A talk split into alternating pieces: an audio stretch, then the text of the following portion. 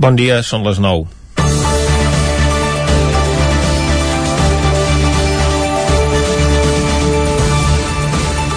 El govern de la Generalitat té previst anunciar d'aquí uns moments la marxa enrere en el procés de desescalada que afectarà de ple aquestes festes de Nadal. Les mesures s'han hagut de plantejar després d'un empitjorament de les dades epidemiològiques, sobretot pel que respecta a la taxa de reproducció del virus, que torna a estar a nivells molt elevats. Es considera que ara estan aflorant els contagis que es van produir a partir del pont de la Puríssima, encara que com que al cap de setmana s'aplicava el confinament municipal, només hi va haver llibertat de moviments el dilluns pels que feien pont i el dimarts que era festiu. La reobertura de bars i restaurants i de centres comercials també han contribuït a la propagació. És evident, doncs, que enmig de les festes que s'acosten i amb els retrobaments familiars que provoquen, poden tornar a saltar tots els llums d'alarma si cada infectat pot contagiar gairebé una persona i mitja, com diuen les estadístiques, i més en un entorn on no s'usa mascareta. Ahir es va filtrar un document de les mesures que es volen prendre que suposarien un retorn a un estadi molt anterior, tot i que posteriorment la Generalitat va desmentir que el contingut d'aquestes restriccions fos cert davant de la indignació que havia causat en diferents sectors per la seva duresa. Sobretot en un moment en què molts d'ells s'estan pre preparant per l'excepcionalitat que suposen aquestes festes en els seus comptes d'explotació a guanyar-se la credibilitat i el respecte de la població no hi juga que s'anunciés la presentació d'aquestes noves restriccions per les 7 de la tarda d'ahir i hora i mitja més tard s'ajornés la compareixença per aquest matí. O bé les dades empitjoren per moments i ens hem de temer el pitjor, o bé hi ha desavinences entre els membres del govern i protecció civil de cara a la seva aplicació i a les conseqüències que cop pot comportar en contraposició al benefici per la salut pública. Al capdavall es dona una sensació d'improvisació en la presa de decisions, perquè en qualsevol cas, i malgrat l'amenaça del que ens torna a venir a sobre, a partir d'aquesta matinada ha quedat desactivat el confinament municipal de cap de setmana que s'amplia a l'àmbit comarcal. Tot plegat encara fomenta més la incomprensió per part de la població i la dificultat de que aquesta compleixi les mesures restrictives i se li demani comprensió. Sobretot quan passen coses com la que fa uns dies va tenir lloc al Parlament, quan Junts per Catalunya, Esquerra Republicana i el PSC van rebutjar una proposta de la CUP en què s'instava que es reduïssin durant tres mesos un 14% les retribucions als membres del govern i als càrrecs per destinar-los a despeses contra la Covid-19. Encara que l'estalvi no fos significatiu per la ingent quantitat de recursos que es necessiten per pal·liar els efectes de la pandèmia entre les famílies més afectades, el gest hagués estat prou significatiu. Comencem Territori 17, a la sintonia del 9 FM, la veu de Sant Joan, Ona Codinenca, Ràdio Cardedeu i el 9 TV. Territori 17, amb Vicenç Vigues i Jordi Sunyer. Són les 9 i 3 minuts del divendres, dia 18 de desembre de 2020. Estem en directe aquí a Territori 17 i de seguida que arrenqui la roda de premsa del govern de la Generalitat on s'han de fer públiques les noves mesures per combatre el coronavirus i connectarem en directe i us l'oferirem a eh, sencera aquí, a Territori 17. Un Territori 17 que avui, com cada divendres, comptarà amb les seccions habituals, a part de conèixer les noves mesures a eh, Covid. Avui també tindrem clàssics musicals que han fet història amb el Jaume Espuny, parlarem de gastronomia a la Foc Lent, avui des d'Ona Codinenca, i repassarem l'agenda esportiva del cap de setmana dels principals equips del nostre territori i també acabarem fent un repàs a l'agenda festiva en cas que es mantinguin, evidentment, tots els actes. I el que farem ara mateix és arrencar tot fent un repàs a l'actualitat de les nostres comarques, les comarques del Ripollès, Osona, el Moianès i el Vallès Oriental.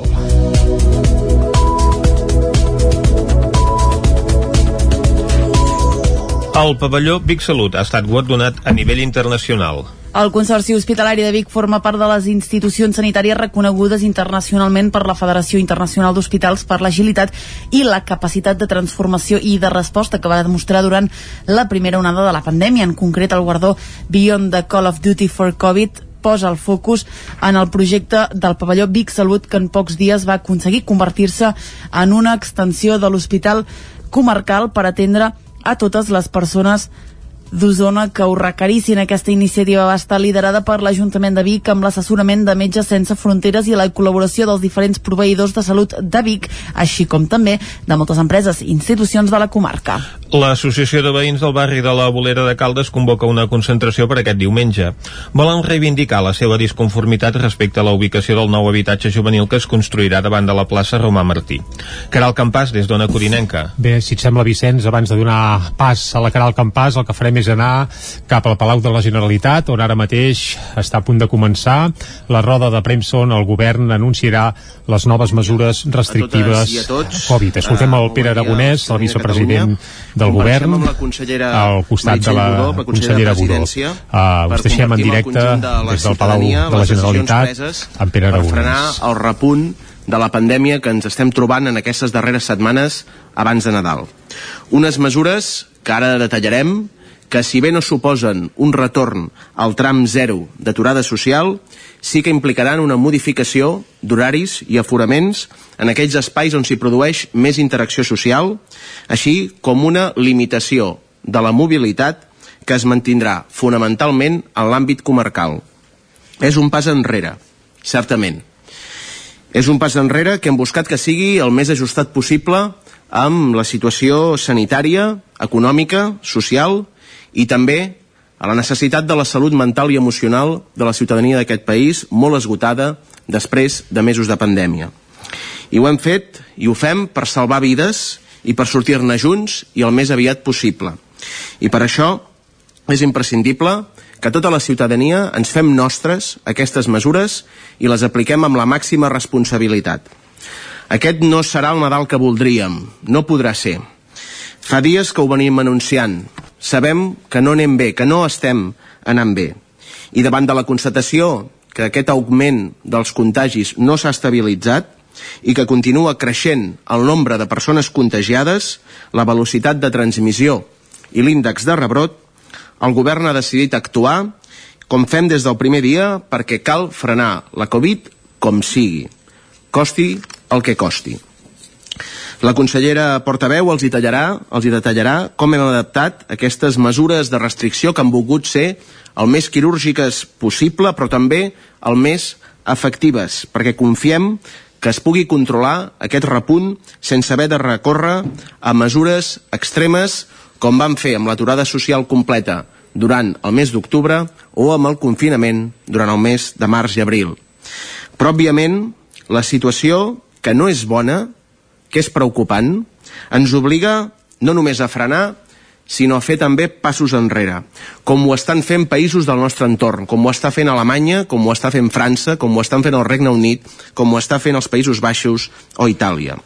I en aquest sentit, més enllà de les mesures concretes, més enllà de les limitacions en activitats i en desplaçaments, és essencial la responsabilitat de totes i de tots. I apel·lem a la responsabilitat ciutadana també.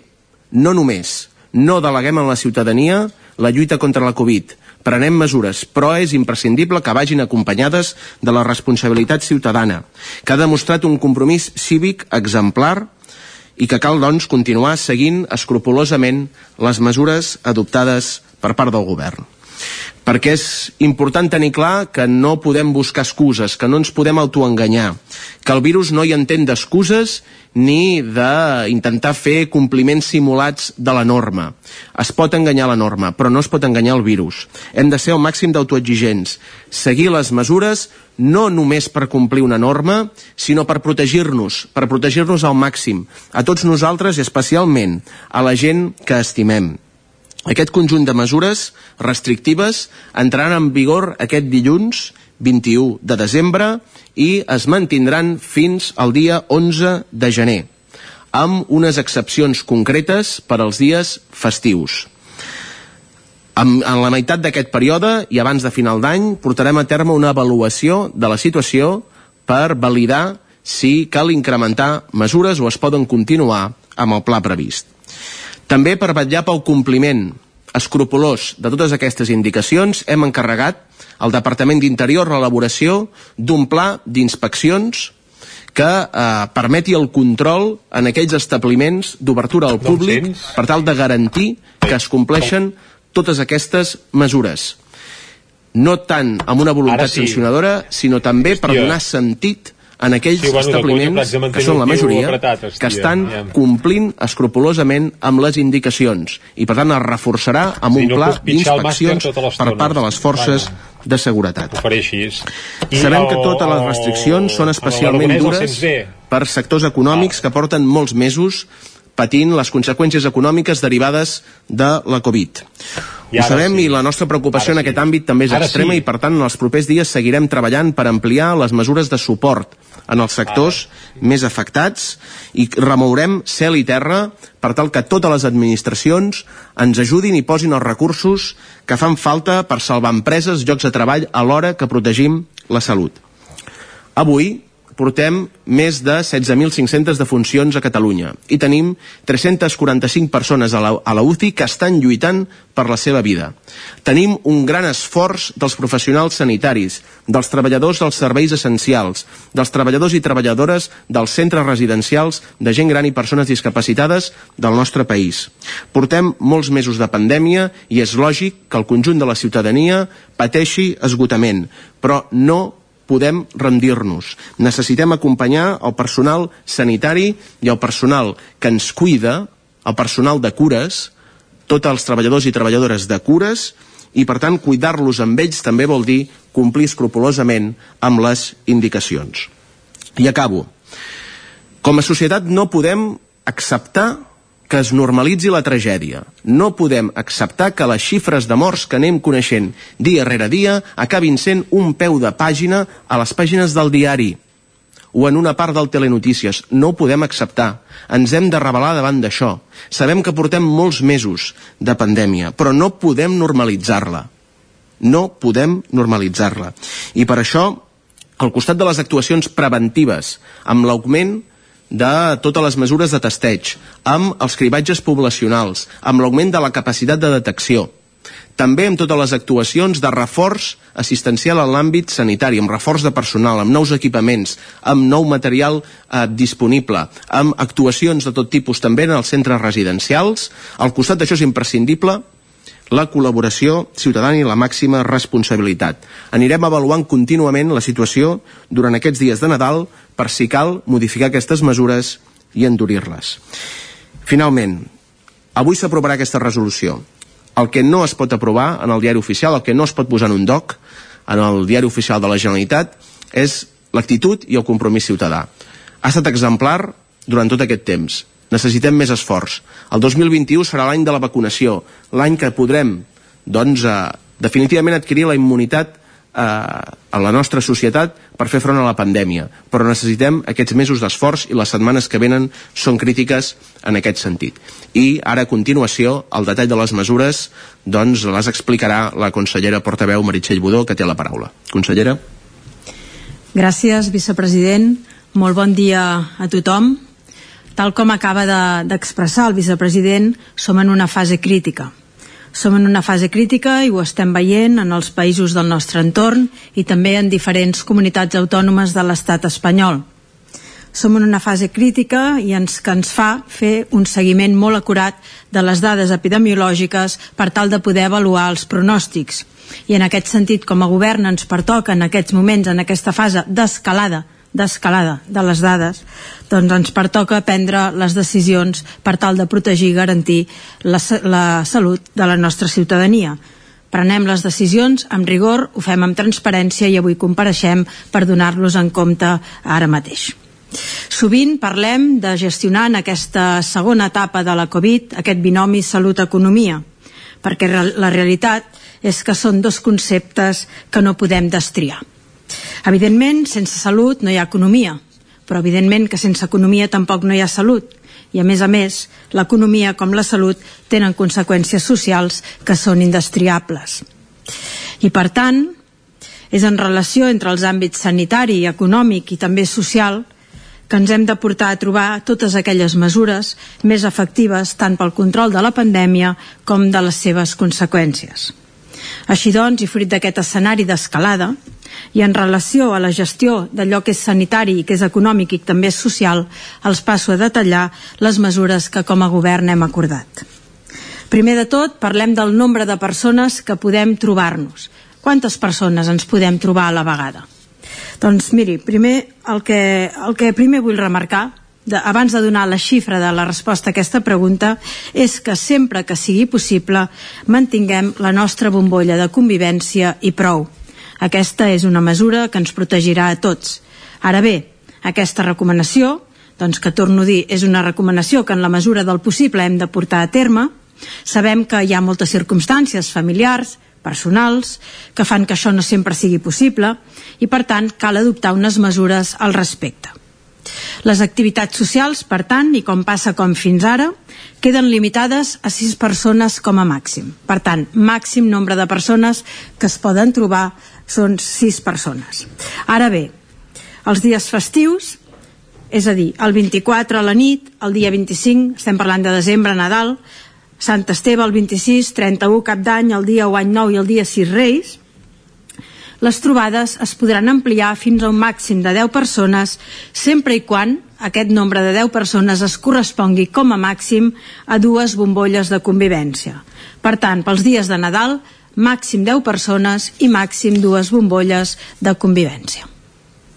En segon lloc, el tema de mobilitat, un tema també important a l'hora de gestionar aquesta pandèmia. Com queda la mobilitat? Doncs, de moment, continuem amb el perímetre tancat del que és el conjunt de Catalunya, excepte per aquelles visites familiars i de gent propera. Això vol dir que en aquests dies de, de les festes de Nadal, en aquests dies en què està vigent aquesta resolució, podrem sortir del perímetre de Catalunya en el cas d'anar a visitar a familiars o a aquella gent que ens és propera. I en quant a la mobilitat dins del territori català, queda restringida la mobilitat a l'àmbit comarcal, tota la setmana i això serà fins l'11 de gener. Recordem que fins ara la mobilitat només quedava restringida a l'interior de Catalunya els caps de setmana i era en l'àmbit municipal. Ara ampliem aquest àmbit, el passem a comarcal, però passa a estar vigent durant tota la setmana. Òbviament, també doncs, amb, les, amb aquelles, amb aquelles uh, mesures d'excepció, com és el perímetre de Catalunya, és a dir, per tal de poder anar a visitar familiars o gent propera podràs sortir de la teva comarca, i també eh, aquest confinament comarcal tindrà una altra excepció, que és que quan una bombolla de convivència es podrà desplaçar a una segona residència o, per exemple, doncs, en una destinació fixa es podrà desplaçar de la seva comarca, repeteixo, sempre i quan sigui només la bombolla de convivència. Això vol dir, per exemple, doncs, que serien casos doncs, que una bombolla de convivència vagi a casa d'un familiar o d'una persona propera o una bombolla de convivència que vagi a una segona residència o una bombolla de convivència que vagi un establiment, a un establiment hoteler o rural. Per tant, en aquest cas, es podrà tancar aquest perímetre comarcal. Anunciar també que a nivell de mobilitat i en un lloc molt concret de la nostra geografia, que és la zona transfronterera entre Andorra i la Seu d'Urgell i per tant entre l'Alt Urgell el que farem és integrar aquest territori en una sola comarca, és a dir, a nivell eh, s'assimilarà la unió de l'Alt Urgell i Andorra a una sola comarca i per tant es permetrà la mateixa mobilitat en aquests territoris que es permet a la resta de comarques de Catalunya. En quant a la mobilitat horària, es manté el confinament nocturn des de les 10 del vespre fins a les 6 del matí exceptuant tres dies concrets. La nit de Nadal i la nit de Cap d'Any, aquesta mobilitat eh, quedarà restringida a partir de la una de la matinada i la nit de Reis, aquest confinament nocturn, començarà a partir de les 11 de la nit. Per tant, excepcionem la nit de Nadal, la nit de Cap d'Any i la nit de Reis. Recordem, nit de Nadal i nit de Cap d'Any fins a la una de la matinada i nit de Reis fins a les 11 de la nit. I fins aquí les mesures en quant a la interacció social i les mesures en quant a la mobilitat. I ara entraria en el tercer, eh, en el tercer paquet de mesures que, ten, que són les que regulen eh, les activitats i els sectors econòmics. I precisament fem èmfasi en diferenciar aquests tres tipus de mesures perquè allò que en aquests moments estem regulant en aquest tercer paquet, és a dir, tot allò que afecten a les activitats i els sectors econòmics, té una relació directa també amb la nostra interacció social i amb la nostra mobilitat. Recordem el que els deia en un principi. Som en una fase crítica. No anem bé. I les dades ens estan alertant. I per tant hem de reduir tant com puguem la nostra interacció social i la nostra mobilitat. I començo, per tant, amb les mesures que fa referència a l'àmbit de l'hostaleria i la restauració. En quant a les condicions físiques d'obertura, seran les mateixes que fins ara, però a partir de dilluns hi haurà noves restriccions horàries. Això què vol dir? Doncs això vol dir que els establiments poden obrir al públic per servir esmorzars i per servir dinars i, per tant, tindran permesa l'obertura al públic en dues franges horàries. De dos quarts de vuit del matí a dos quarts de deu i de la una del migdia fins a dos quarts de quatre. I per què aquestes franges? Què volem aconseguir amb aquestes mesures? Doncs per una banda, el que els deia, reduir la interacció social d'allò que no és imprescindible alhora que assegurem aquests serveis d'esmorzars i aquests serveis de dinars per a aquelles persones que per diferents motius necessiten fer-ho fora de casa. I per altra banda, estem fent que la restauració pugui mantenir la seva activitat. A més d'aquest horari, que és d'obertura al públic i per tant de servei en els locals al públic, cal afegir que aquells establiments que facin menjar per emportar també poden servir sopars en aquesta modalitat de menjar per emportar des de les 7 de la tarda fins a les 10 de la nit en el cas de que l'usuari ho vagi a buscar i en el cas del servei a domicili aquesta serà fins a les 11 de la nit. Però com els deia, seguint amb aquestes condicions físiques d'obertura i per tant amb aquestes franges horàries d'esmorzars i de dinars, els establiments, recordem, han de seguir complint totes aquelles mesures que estaven vigents fins ara i que per tant continuen vigents. Quines són? Doncs que les terrasses estaran obertes i l'interior ho estarà amb un aforament màxim del 30%.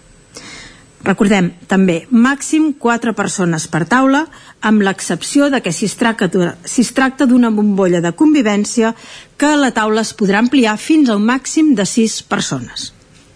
També cal recordar la distància mínima senyalitzada de dos metres entre comensals de diferents taules. Per tant, dos metres de separació entre els comensals de diferents taules.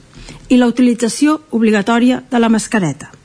Només ens podem treure la mascareta en el moment que anem a beure o a menjar. Però mentre parlem, o mentre esperem a que ens retirin el plat, o mentre esperem a que ens serveixin el menjar, cal tenir en compte l'obligatorietat de l'ús de la mascareta. Seguim ara amb el sector del comerç. Tant els comerços eh, a peu de carrer com els que es troben en centres comercials i per tant tant els comerços habituals com els centres comercials podran continuar oberts amb les mateixes limitacions d'aforament que estan vigents fins a dia d'avui. Ara bé, aquí hi haurà una nova restricció i és el tancament d'aquells gimnasos o d'aquells establiments de restauració que es trobin en l'interior dels centres comercials. Aquesta és una altra mesura que té com a objectiu, precisament, la reducció de la interacció social. Per què? Doncs perquè es tracta de poder anar a un centre comercial a fer aquelles compres que considerem necessàries, però no es tracta d'anar a un centre comercial a poder passar el dia o a fer vida social. Hem d'evitar les interaccions socials i hem d'evitar les aglomeracions. Respecte a les instal·lacions i equipaments esportius. Es podran mantenir oberts els que estan a l'aire lliure amb un aforament al 50%, tal i com estava permès fins ara. I en quant als equipaments esportius en espais tancats, seguim també amb aquest aforament màxim del 30% i amb cita prèvia. Ara bé, a excepció de les activitats aquàtiques, qualsevol activitat física que es faci en un gimnàs, recordem, s'haurà de, poder, de poder fer amb mascareta.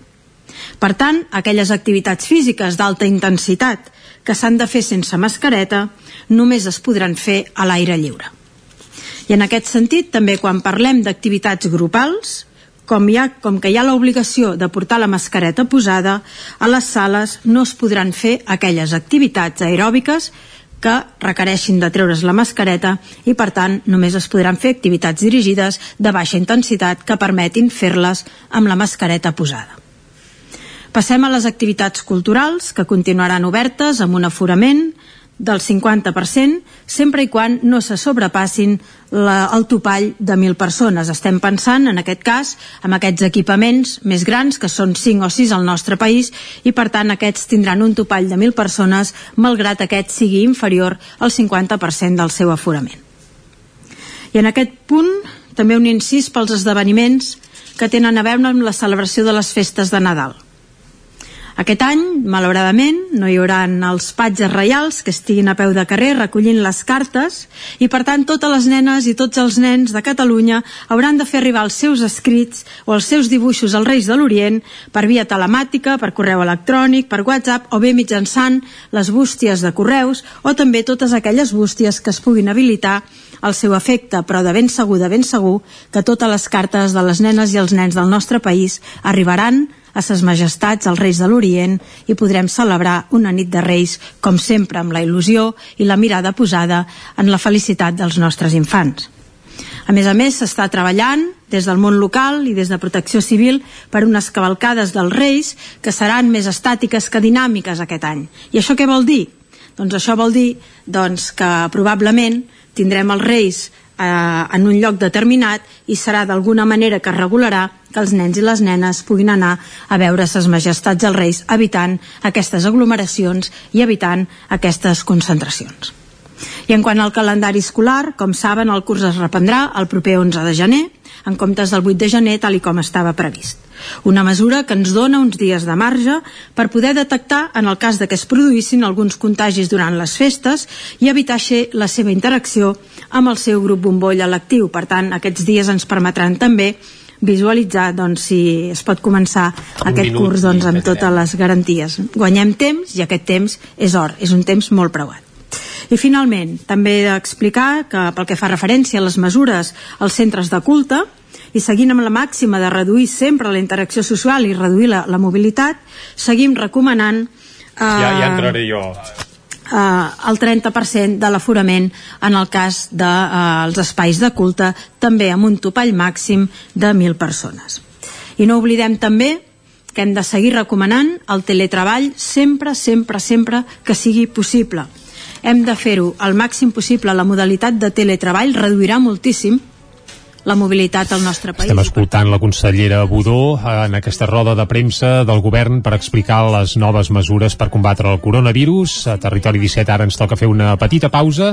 Tornarem a dos quarts en punt, connectant de nou al Palau de la Generalitat. Fins ara mateix. FM, la ràdio de casa, al 92.8. Les bones decisions tenen premi. I és que si té una caldera Vaillant, està d'enhorabona. Vaillant li ofereix fins a 15 anys de cobertura total, amb la revisió obligatòria inclosa. Informis a Oficiat Nord trucant al 93 886 0040. Amb el servei tècnic oficial de Vaillant, la seva caldera estarà en les millors mans. Hi ha una màgia que no té truc. És la màgia de compartir una estona amb algú i parlar-hi. Vols practicar català? Vols ajudar algú a parlar-lo? Apunta't al voluntariat per la llengua el programa de les parelles lingüístiques a vxl.cat. Perquè quan parles, fas màgia. Generalitat de Catalunya. 100 milions i mig de futurs. Anuncia't al 9FM. La màquina de casa. 9 3 8 8 9 4 9 4 9. Publicitat arroba al 9FM.cat. Anuncia't al 9FM. La publicitat més eficaç. Amb Pradell estalvio energia i cuido la meva butxaca i el medi ambient. Posa't en mans de Pradell. Són experts en calderes de gas i condensació, estufes de pèl·let, energia solar, terres radiants, geotèrmia i aerotèrmia. Pradell instal·la calderes de biomassa per a particulars i per a empreses. Si vols estalviar un 50% en consum, contacta amb Pradell i passa't a les energies renovables. Pradell som a l'Avinguda Països Catalans 27 de Vic. Telèfon 93 885 1197. Pradell.cat. Us desitgem bon Potser el 2020 no serà el millor any, però a Bassals Energia volem que el tanquis amb la millor energia energia. Amb la nova tarifa Flash 20 tindràs més d'un 20% de descompte a la teva factura elèctrica durant tot un any. I tot això sense permanència, sense talls ni interrupcions. I el que és més important, amb energia 100% verda. No esperis més. Entra ara a bessolsenergia.com i canvia't a l'energia més propera.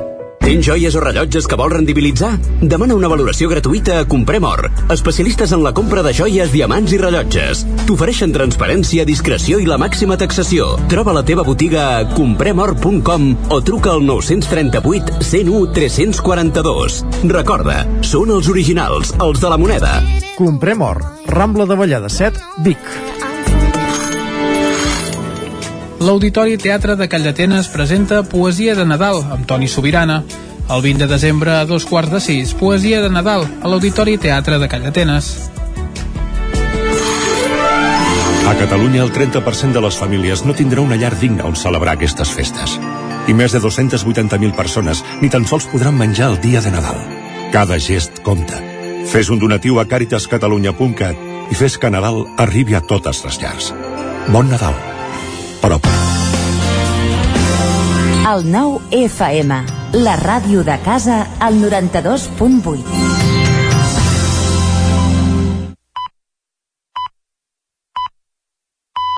Territori 17, amb Vicenç Vigues i Jordi Sunyer. Dos quarts de deu en punt, tornem a connectar després d'aquesta breu pausa publicitària amb el Palau de la Generalitat, on la consellera Meritxell Budó continua donant explicacions sobre aquestes noves mesures per combatre el coronavirus que s'aplicaran, recordem-ho, a partir de dilluns, no aquest cap de setmana, sinó a partir del proper dilluns. Escoltem la consellera. Incrementar aquesta interacció social. Cal fer aquest esforç. Tenim la vacuna a tocar. Preservem-nos del virus Preservem-nos a nosaltres mateixos, però preservem també a tothom. Fem-ho pel conjunt de la societat, fem-ho pel conjunt del país. Ens hi juguem molt i ho hem de fer entre tots. Moltes gràcies. I ara passaríem, doncs, com en cada roda de premsa, al torn de preguntes. Comencem el torn de preguntes. Doncs bé, escoltarem ara el torn de preguntes i procurarem també escoltar uh, bé, el, el presentador la, la pregunta correcta. Uh, escoltem un company. I ens recorden quines sancions hi ha. Fins ara no s'estava fent aquesta inspecció ha estat justament això un dels problemes que ha portat a, a que es eh, dispari la transmissió del virus, no tant la, les mesures de flexibilitat, sinó l'incompliment d'aquestes mesures. Una altra pregunta és, eh, diuen que es permetrà la mobilitat a segones residències, això no pot suposar un increment de mobilitat que faciliti també la transmissió del digues, virus? Digues. I finalment, voldria preguntar-los quines mesures no. s'aplicaran a les residències de gent gran, que són espais sensibles, quin règim de visites hi haurà en aquestes dates?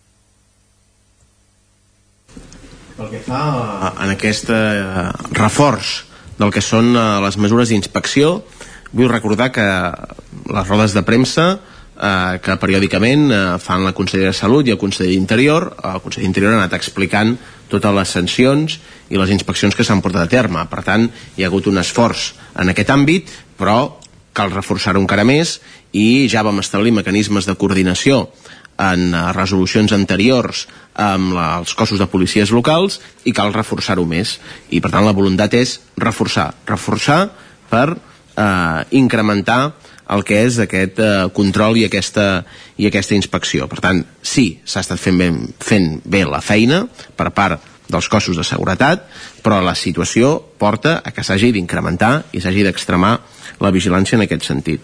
Pel que fa als desplaçaments, la qüestió és, si una família, una bombolla de convivència, ha de desplaçar-se a una altra comarca del país per quedar-s'hi, per quedar-s'hi en aquesta segona residència i després seguir amb totes les mesures des d'allà, totes les mesures de limitació de la mobilitat, això és el que s'autoritza en aquesta resolució.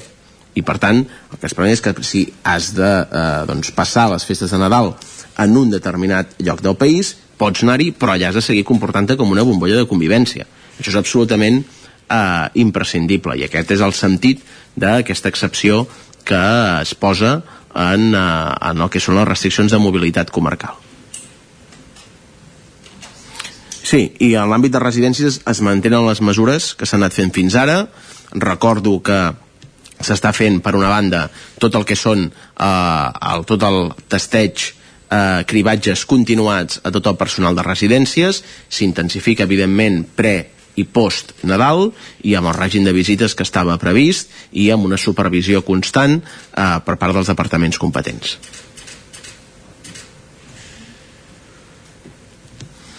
La següent pregunta la formula Marta Vallès, de Catalunya, Rada, de Catalunya Ràdio, adreçada al vicepresident i a la consellera. Hola, bon dia. Sí, eh, era una, una pregunta per tots dos. En, en primer lloc, si la qüestió de la integració d'Andorra i l'Urgell també entraria en vigor a partir d'aquest dilluns, com la resta de mesures. Després, eh, si entenc que la situació és molt crítica, però donat l'anunci de mesures que, que ara mateix ens heu comunicat, doncs entenc que el confinament total en cap moment hauria estat sobre la taula, però aquest matí eh, dos doctors, com el doctor Jaume Pedrós i el doctor Roger Paredes de Can Ruti deien que aquesta, òbviament, mm, seria la manera més ràpida d'arribar-hi. Si, la, si amb aquestes mesures que apliquem ara la situació reverteix, eh, doncs entenc que ja aniríem una altra vegada amb una bona evolució i cap al control de la situació, però si no fos així, si aquesta mesura encara estaria sobre la taula, la del confinament total. I en tercer lloc, una mica esbrinar eh, el retard amb la comunicació d'aquestes mesures. S'ha parlat de discrepàncies eh, en el si del Procicat o de, del si del Sí, govern amb, una més i passem, en base a les no? mesures que s'havien de prendre saber doncs, una mica quina ha estat eh, la situació, si hi ha De hagut de aquestes premsa, discrepàncies i si això hauria provocat aquest retard. Gràcies. Bé, pel que fa referència quan entra baixar, en vigor no? aquesta, diguem, unitat comarcal de, de l'Alt Urgell a Andorra, doncs, eh, com la resta de mesures que hem anunciat a partir del dilluns 21 i fins a l'11 de gener. Eh, tot això, òbviament, revisable el 28 de desembre, com ja també he explicat, però aquesta mesura, com la resta, a partir de, de dilluns vinent. Ah, preguntava vostè també sobre el tema de, eh, del retard en la, en la comunicació. De fet, ahir no vam arribar a anunciar com a govern cap roda de premsa. Ahir teníem prevista la reunió per treballar aquestes mesures. No, és una, una, no són unes mesures que es puguin prendre de pressa i corrent. S'han de, de valorar, s'han d'avaluar doncs, eh, què comporta cada una d'aquestes mesures i, per tant, eh, nosaltres sempre hem dit, com a govern prendrem totes aquelles mesures acompanyat de l'assessorament i del que ens diguin les autoritats sanitàries. Hem de valorar, hem de calibrar bé i per tant doncs, ens hem estimat més esperar aquestes hores per acabar d'ajustar i treballar plegats totes aquestes mesures. Aquí no, no hi havia discrep... no, no es tracta de cap discrepància, sinó de trobar, com deia, aquesta gestió que ens, que, que ens pertoca fer ara, que és la gestió d'aquest binomi economia-salut i si m'ho permet també doncs, aquest, que, i, i, i posaria també la salut emo- emocional de la ciutadania que com deia el vicepresident doncs òbviament comencem doncs, a detectar aquest esgotament i aquest cansament i per tant doncs, tenint en compte tots aquests factors cal ajustar molt millor molt més les mesures i per tant doncs, ens hem donat aquest temps per acabar doncs, de poder redactar bé i poder explicar bé com queda aquest document pels propers, pels propers, pels propers dies. Sí, com deia la consellera Portaveu, hem estat treballant com a govern. Ahir, precisament, en el seu mitjà, Catalunya Ràdio, quan em van preguntar, vaig dir que seria o al llarg del dia d'ahir o com a molt estirar avui al matí. Per tant, avui al matí estem eh, compareixent per explicar les mesures.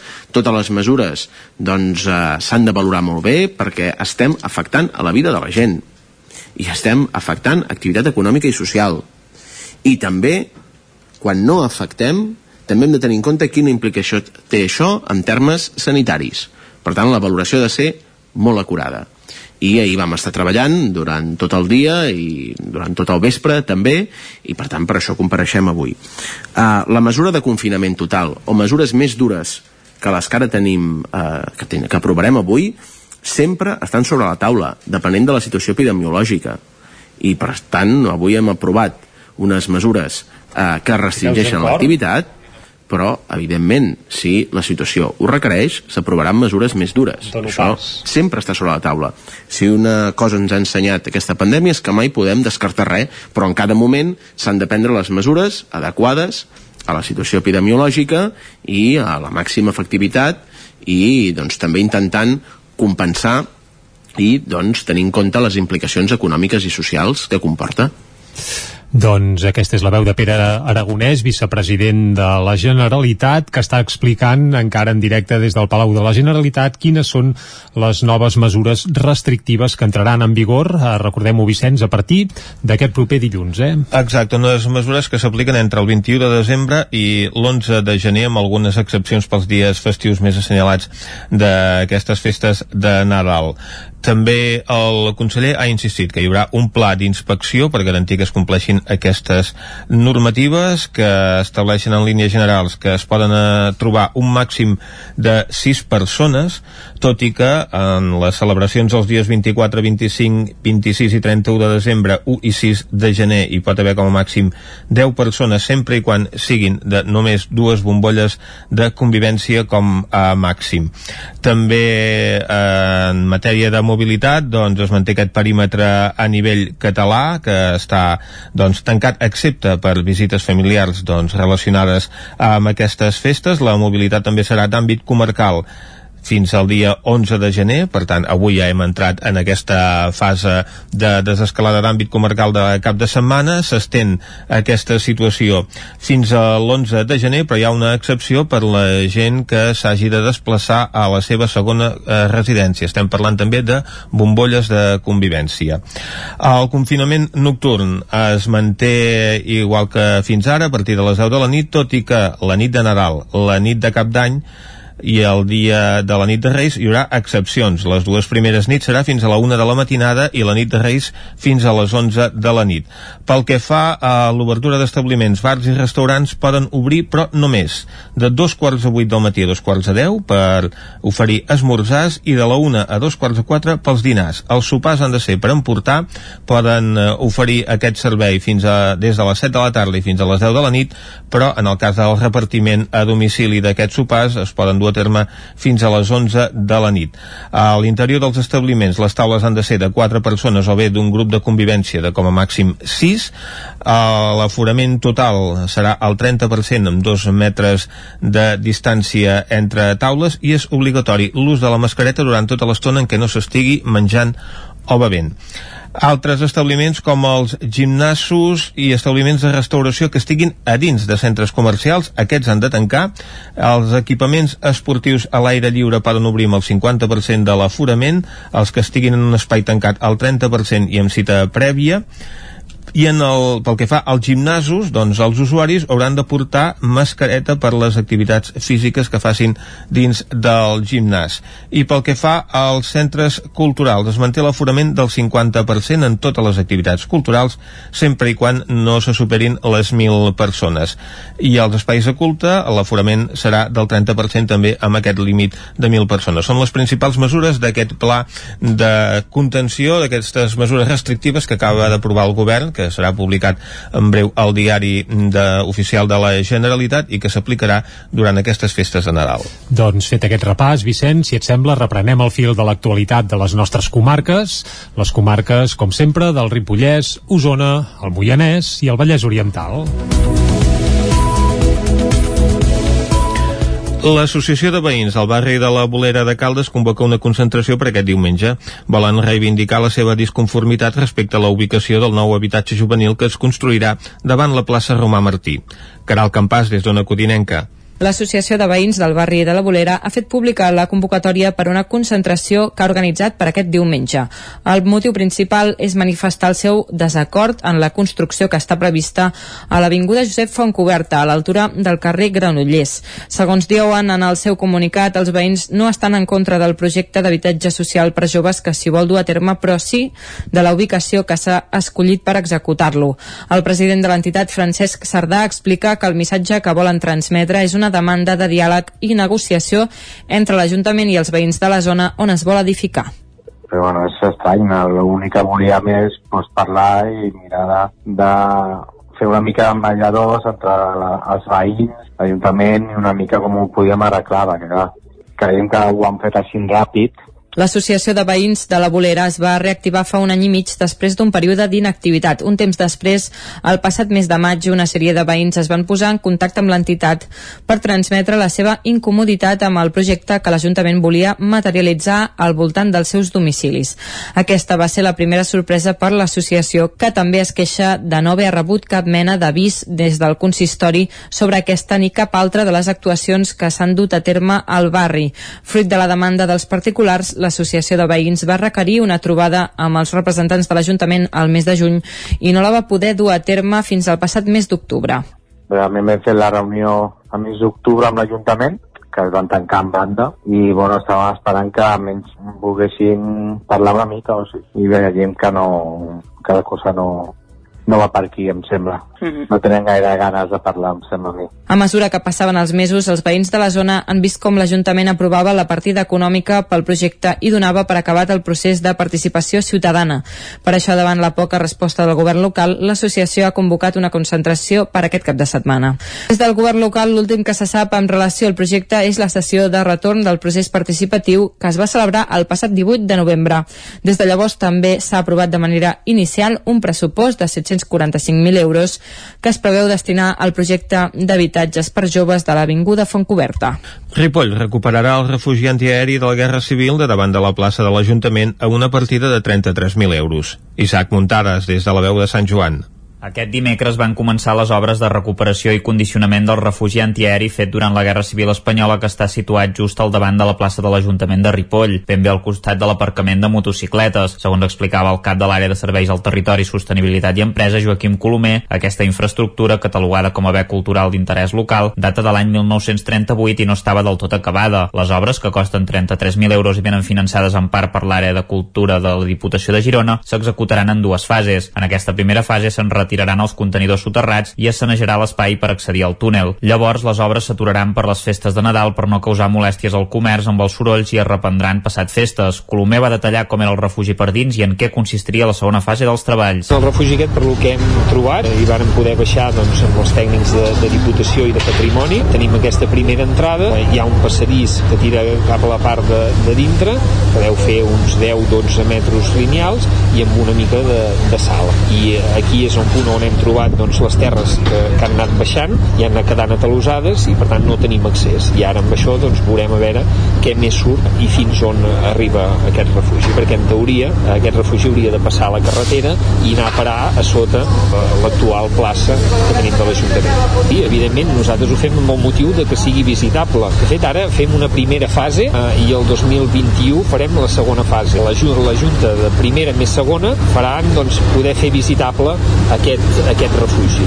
Evidentment, l'objectiu és treure la llum doncs, aquest refugi que ens faci recordar doncs, aquesta memòria històrica doncs, que, que tenim a Ripoll. En principi, les obres han d'estar acabades entre el mes de gener i principis de febrer, per tal que sigui segur visitar el refugi cap a mitjans del 2021. Les obres també preveuen el condicionament del fossar dels contenidors com a accés mitjançant el seu cobriment amb un mòdul exterior d'accés i unes escales. El regidor de Junts per Ripoll va explicar que hi ha gent de la vila que recorda que hi havien entrat per jugar quan eren petits, però sembla que no s'hauria utilitzat mai en període de guerra i això que entre el gener i el febrer de l'any 1939 Ripoll va patir quatre bombardejos en menys de 15 dies. Colomer també va explicar que ells van poder-hi accedir a través d'una trapa que hi ha a prop de la zona i que dona accés al passadís. El govern aprova una subvenció de 38 milions d'euros per millorar la planta de tractament de fracció orgànica del Vallès Oriental a Granollers. David Auladell, de Ràdio Televisió, Cardedeu. Es tracta d'una aportació que fa l'Agència de Residus de Catalunya al Consorci per a la Gestió dels Residus del Vallès Oriental per finançar la primera etapa del projecte. Els treballs estan previstos al Pla Territorial Sectorial d'Infraestructures de Gestió de Residus Municipals de Catalunya que garanteix el finançament de totes les actuacions previstes. Segons la previsió establerta a l'abril, les obres començaran l'any 2022 i acabaran el 2024 amb la posada en marxa de la planta a ple rendiment. L'ampliació permetrà tractar la fracció orgànica en dues línies separades i en processos adequats segons la seva qualitat, incorporant nous sistemes de pretractament, així com reformar els sistemes existents, minimitzant la generació de rebuig. També s'incorporarà un sistema de secatge tèrmic del rebuig amb aprofitament energètic, que reduirà la generació i l'adequarà per a una valorització energètica posterior. De la mateixa manera s'incorporarà el procés d'higienització del digest que no sigui compost in situ. També es reorganitzaran altres activitats i serveis existents a l'equipament. Aquesta tarda i després de mesos treballant-hi, Vic donarà el tret de sortida al Vic.0. Serà en un acte que arrencarà a dos quarts de set de la tarda i que presidirà la consellera de Cultura Àngels Ponsa. Ho farà al costat de l'alcaldessa de Vic, Anna R, i amb un aforament limitat seguint les mesures i els protocols d'actuació davant de la Covid-19. El Vic.0 és un projecte cultural i turístic de Vic que fins ara es coneixia com a Illa de la Pietat. A partir d'aquest diumenge les visites s'obriran a tot el públic de la ciutat i de la comarca, unes visites gratuïtes que s'allargaran fins al 10 de gener. Les jornades de portes obertes es faran de dilluns a diumenge de 10 del matí a 1 del migdia i de 4 a 7 de la tarda. Les vigílies dels dies festius, el 24 i el 31 de desembre i 5 de gener, només es faran als matins. Les visites tindran una durada d'uns 50 minuts i es faran en grups reduïts de 10 persones seguint totes les mesures vigents. El recorregut per Vic.0 que es podrà complementar amb informació facilitada mitjançant codis QR, inclourà la visita a la capella fonda de l'Església de la Pietat, el videomapping Vic, un viatge pel temps i l'art, la nau central de l'Església de la Pietat i el campanar, el punt més alt del centre històric, far i mirador indiscutible de la ciutat i la plana de Vic. Fins aquí el butlletí informatiu, un butlletí marcat per la roda de premsa que us hem ofert en directe i que continua encara des del Palau de la Generalitat on s'estan relatant quines són les mesures restrictives que s'aplicaran a partir de dilluns per combatre el coronavirus. Ara per això el que ens toca és parlar de la informació meteorològica.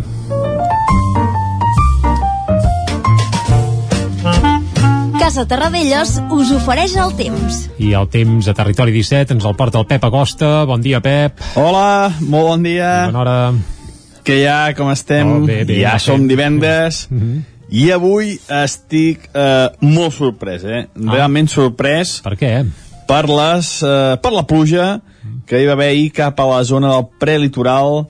Eh, mireu, eh? Us, us faig aquest resum de dades. Va. Cales de Montbui, uns 40 litres, Sant Feliu de Codines, 30 litres, Tagamanent, 20 litres més o menys, Muntanyola, 15, Vic, 1 litre, Baiter, 0 litres. Uh, he fet aquesta uh, evolució del prelitoral cap a l'interior per veure com el ruixat es va enquistar molt, es va quedar aturat a la zona centre del prelitoral i com més cap a l'interior menys va ploure. Però realment, mi- mireu, estic content, estic content, no m'ho esperava gens. Ara mateix encara hi ha molts núvols, avui serà un dia amb molts, molts núvols, ens passa un altre petit front, aquests fronts d'oest que van passant, i eh, novament eh, serà un dia molt semblant a d'ahir, es repetirà la jugada pel que fa a les precipitacions, més probables cap al prelitoral central i com més cap a l'interior, menys probabilitat de puja. Unes temperatures ara mateix molt semblants a les d'ahir, no fa fred, hi ha mala, nuvosi, mala visibilitat, perdó, molts núvols baixos, eh, moltes boires, això com deia, eh, molta, molta nubositat, eh, molta mala visibilitat, un ambient eh, molt humit. De cara a migdia, les temperatures baixaran una mica respecte a ahir, a l'haver-hi més núvols i això, la temperatura serà una mica més baixa que l'ahir. No superarem els 12, eh, entre els 12 i els 15 a l'interior, cap al prelitoral poder algun valor s'arribarà als 16 graus, eh? però no, no seran unes temperatures com les d'ahir, que ahir al migdia hi va haver un moment que feia una mica d'ambient càlid i tot, eh? una mica d'ambient càlid i tot, i això és perjudicial per tot, començant per la, pels vegetals, pels animals, per les persones, i avui no, eh? no, no farà l'ambient una mica càlid que hi va haver ahir. De cada mà, de ha quedat clar eh, avui, avui serà un dia molt tapat eh, i la pluja afectarà els mateixos jocs que ahir. De cada mà dissabte, temperatures molt semblants, de fet tota cap de setmana seran temperatures molt semblants, no farà fred a les nits i de dia mm, no farà fred tampoc, una mica fresqueta però no, no farà l'ambient allò de ple hivern ni molt menys. Uh, doncs això, demà dissabte, al matí més sol, el front que avui ens afecta marxarà, al matí seran forces clarianes, sol i núvols, i de cara a la tarda tornarà a tapar-se. La nit de dissabte a diumenge ens passarà un front, aquest sí que sembla molt poc actiu, mm, taparà el cel, poder deixarà quatre gotes, i més probable serà el, el dissabte, diumenge, a la zona del Pirineu, que no passa al prelitoral, però molt, molt poca cosa, eh? No, no serà tan actiu com aquest. Podem sorprendre, també, podem sorprendre, però no, en teoria no, no m'ha de sorprendre el front que passa de dissabte a diumenge. I diumenge, al matí, serà al revés que dissabte. Al matí més núvols i a la tarda més sol, més tranquil·litat i, com deia, les temperatures molt, molt, molt eh, equilibrades durant tot el cap de setmana.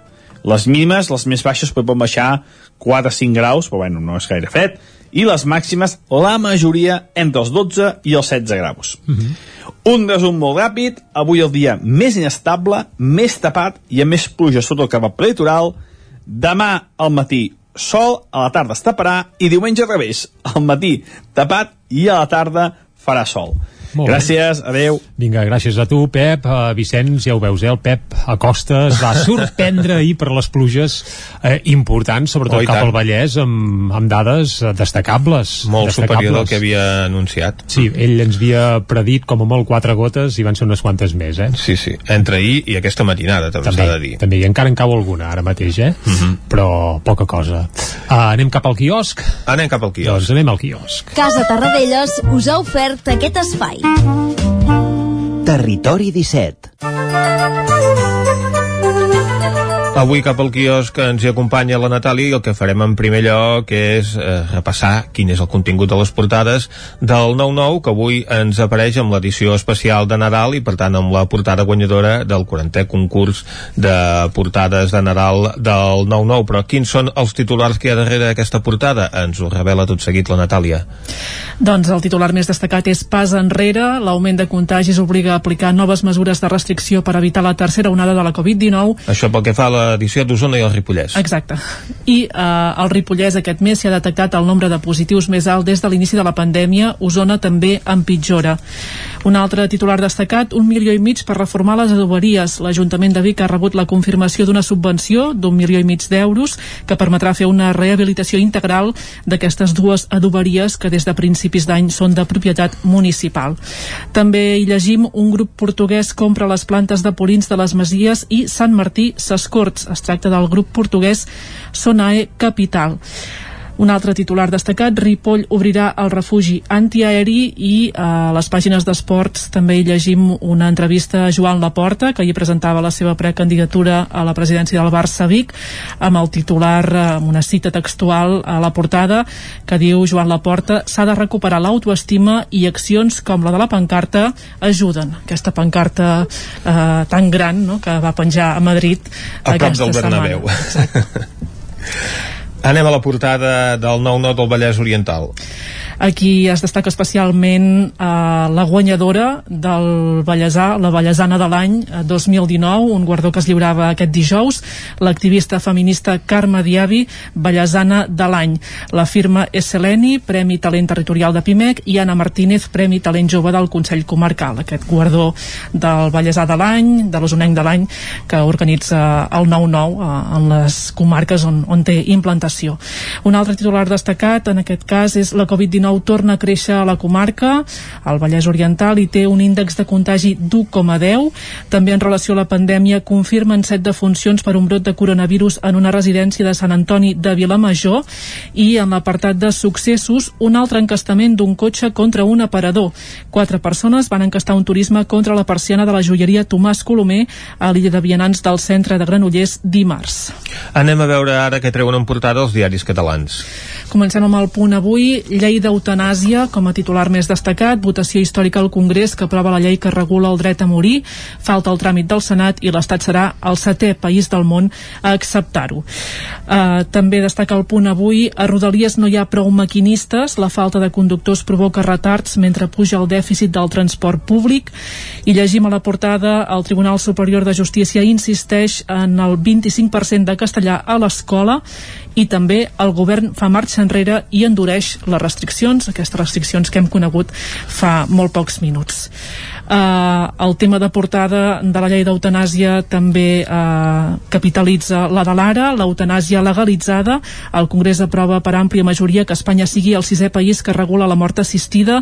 La llei arriba després d'anys de lluita i és molt garantista. El malalt ho haurà de demanar quatre cops en relació a aquesta exclusiva que l'Ara treia ahir sobre el rei emèrit, diu eh, el contagi per Covid del rei emèrit frena la seva tornada. Joan Carles I estava en un hospital d'Abu Dhabi la setmana passada i la Zarzuela diu que ja no hi és. També avançava l'ara aquestes noves restriccions, més restriccions però sense tancament total i el TCJ obliga a fer el 25% de les classes en castellà a totes les escoles de Catalunya. Pel que fa al periòdico, Salut exigeix a Interior més vigilància per no tancar els bars. El govern català ajorna la decisió per falta d'acord sobre la mesura, l'ha ajornat fins aquest matí. La primera llei d'eutanàsia passa amb àmplia majoria al Congrés i dos titulars més de la portada del periòdico. Catalunya perdrà 85.000 llocs de treball al llarg de l'any que ve i el BCE empeny Oliu a deixar el poder executiu del Sabadell.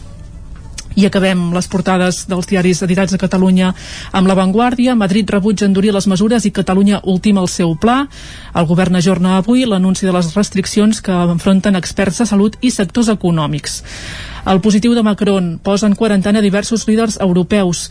Pedro Sánchez dona negatiu, però eh, suspèn durant 10 dies els seus actes també en relació a la llei de l'eutanàsia, pas històric cap a la mort digna i en clau internacional alliberats 344 dels nens segrestats per Boko Haram. Anem a veure què treuen en portada als diaris de Madrid.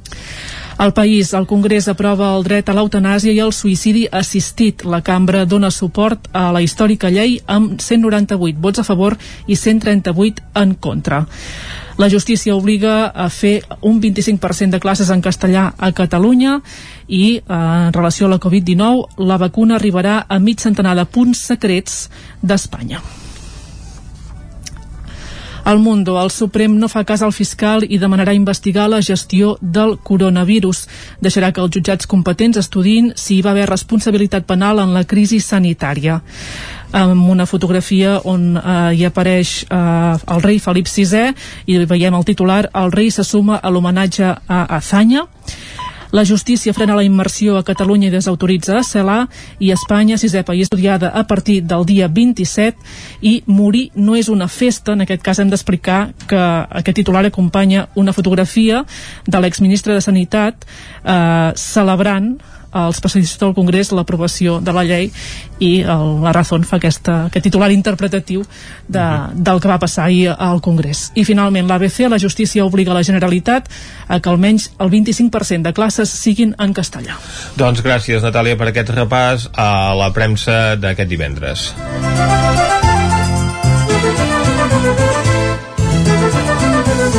I quan són les 10 i gairebé un minut del matí, el que farem aquí a Territori 17 és acostar-vos de nou tota l'actualitat de les nostres comarques, les comarques del Ripollès, Osona, el Moianès i el Vallès Oriental. Territori 17, amb Vicenç Vigues i Jordi Sunyer.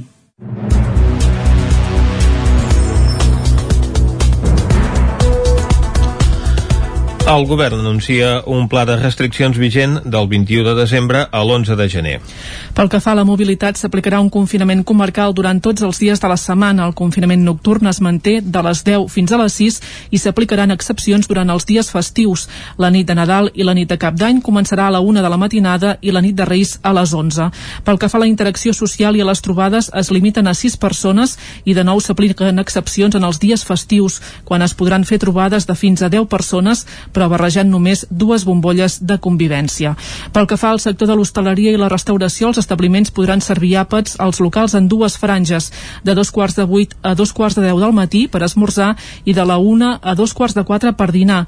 Qui vulgui servir sopars ho haurà de fer en la modalitat de menjar per emportar, que podrà entregar des de les 7 i fins a les 10 i si ho porta a domicili fins a les 11. Les activitats culturals, que continuaran obertes amb un aforament del 30%, sempre i quan no se sobrepassi arribessin les 1.000 persones.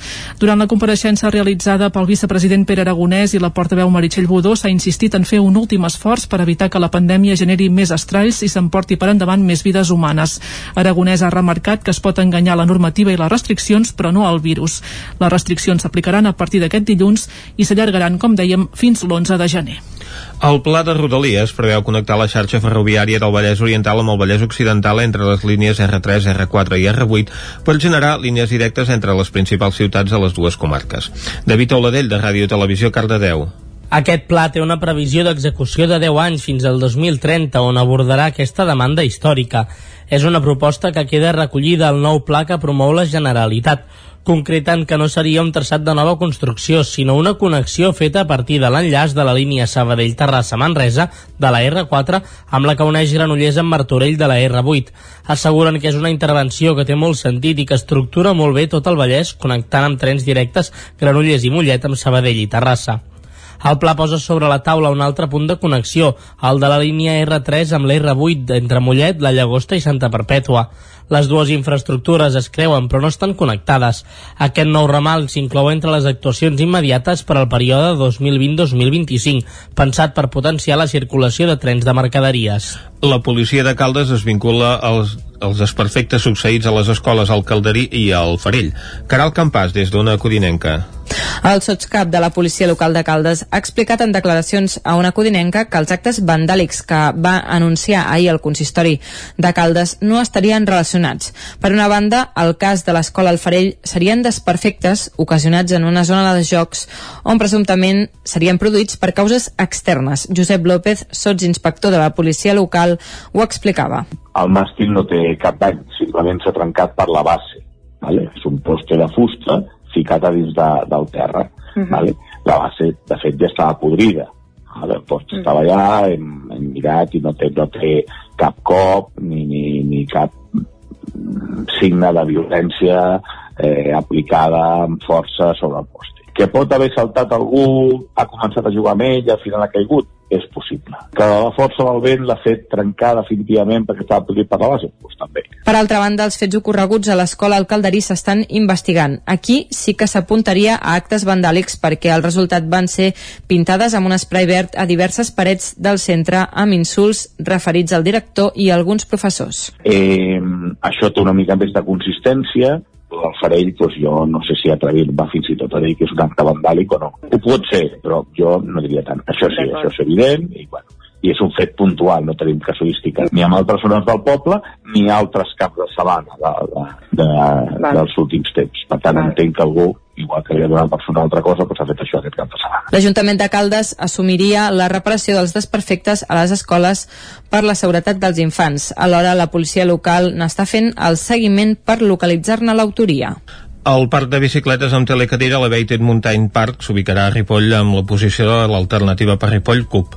Isaac Muntades, des de la veu de Sant Joan.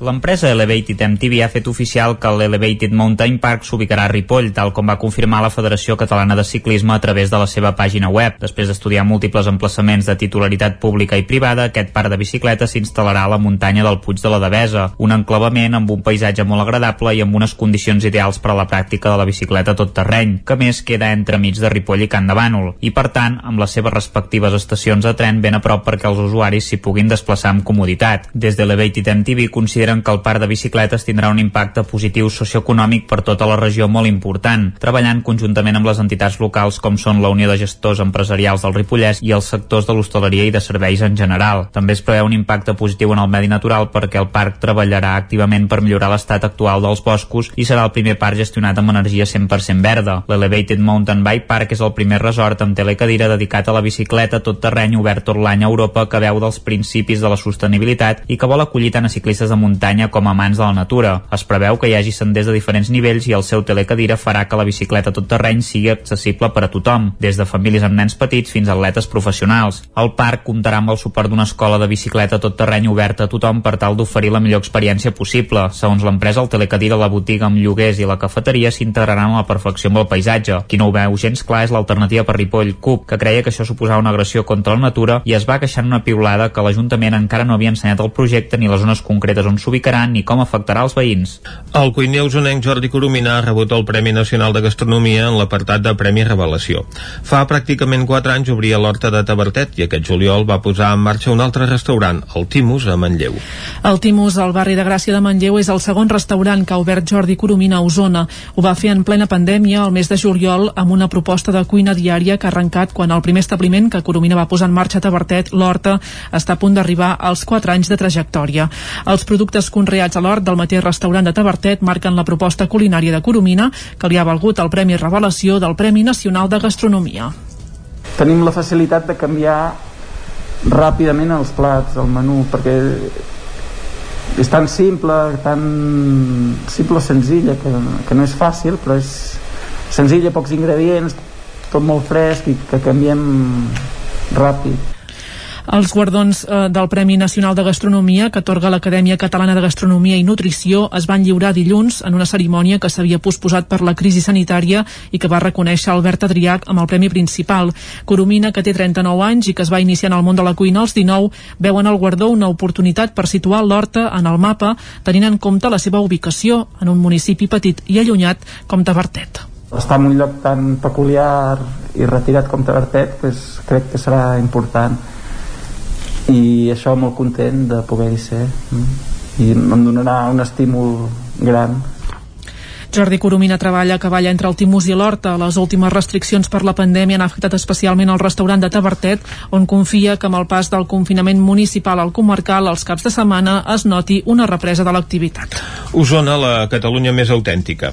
És l'eslògan que Osona Turisme va presentar aquest dimecres en el marc de la nit del turisme a la comarca. L'acte fet en format telemàtic a causa de la pandèmia va servir per explicar el nou pla de màrqueting aprovat aquest 2020 i les accions que se'n derivaran els propers anys. Un dels objectius de la nova campanya és acumular el màxim de representants, tant públics com privats, del sector turístic a la comarca.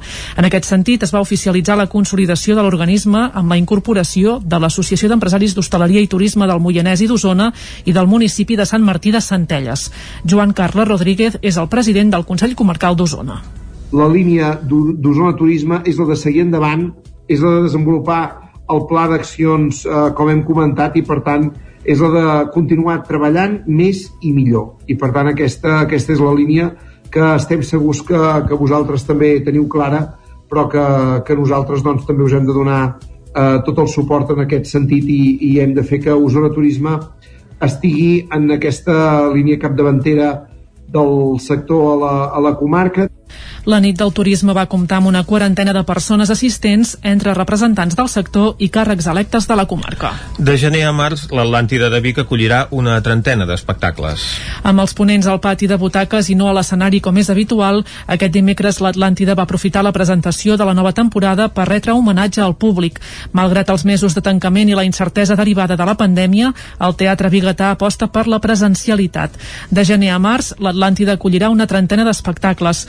Per primer primera vegada el programa no és, no és semestral sinó trimestral, una fórmula que permetria, en cas que s'endureixin de nou les restriccions al sector cultural, tenir més marge de maniobra a l'hora de reprogramar. Gairebé el 40% dels espectacles que es van presentar són propostes que la pandèmia va obligar a suspendre, una dada que per la directora general de la Fundació L'Atlàntida, Montse Catllà, vol posar de manifest el compromís del teatre amb els artistes. És clar que no és una solució ideal perquè vol dir que amb això ocupem espai per noves contractacions, és evident, eh? Però també és evident que si un artista ja confiava, no? ja havia fet una producció, ja confiava que nosaltres doncs, li exhibiríem, doncs ens sembla que ens havíem de mantenir ferms en aquest, en aquest acord eh, adquirit. La figura de la dona i les propostes locals marcaran el nou trimestre. En el camp de la música moderna destaquen els concerts de Buos, Clara Peia i el manlleuenc Guillem Roma. Pel que fa a les obres de gran format, l'obra La dona dels 600, interpretada per Mercè San Pietro i Jordi Banacolotxa. Ramon Ferrer és el cap de programació de l'Atlàntida com a anècdota valgui, val, val la pena dir-ho és la quarta vegada que el programem. Esperem que aquesta serà la definitiva. Una obra que, que la, ja havia suscitat molt interès ja perquè hi ha la Mercè Sant Pietro l'Àngels Guanyalons, en Jordi Colotxa etc. per tant és una obra molt interessant i fins ara no l'hem pogut fer. A veure si aquesta vegada podem el programa també inclou propostes alternatives vinculades a la reivindicació social, un canal que ha de permetre al complex biguetà teixir noves complicitats amb les entitats de la comarca. I fins aquí el butlletí de les 10 del matí que us hem ofert amb les veus de Vicenç Vigues, Natàlia Peix, David Auladell, Caral Campàs i Isaac Muntades. I ara abans d'anar cap a l'entrevista el que farem és, de nou, una ullada a la situació meteorològica.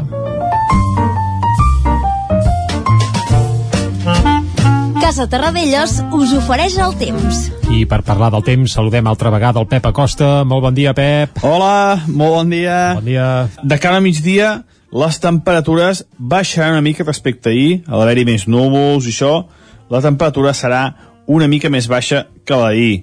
No superarem els 12, eh, entre els 12 i els 15 a l'interior, cap al peritoral poder algun valor s'arribarà als 16 graus, eh? però no, no seran unes temperatures com les d'ahir, que ahir al migdia hi va haver un moment que feia una mica d'ambient càlid i tot, eh? una mica d'ambient càlid i tot, i això és perjudicial per tot, començant per la, pel vegetals, pels animals, per les persones, i avui no, eh? no, no farà l'ambient una mica càlid que hi va haver ahir.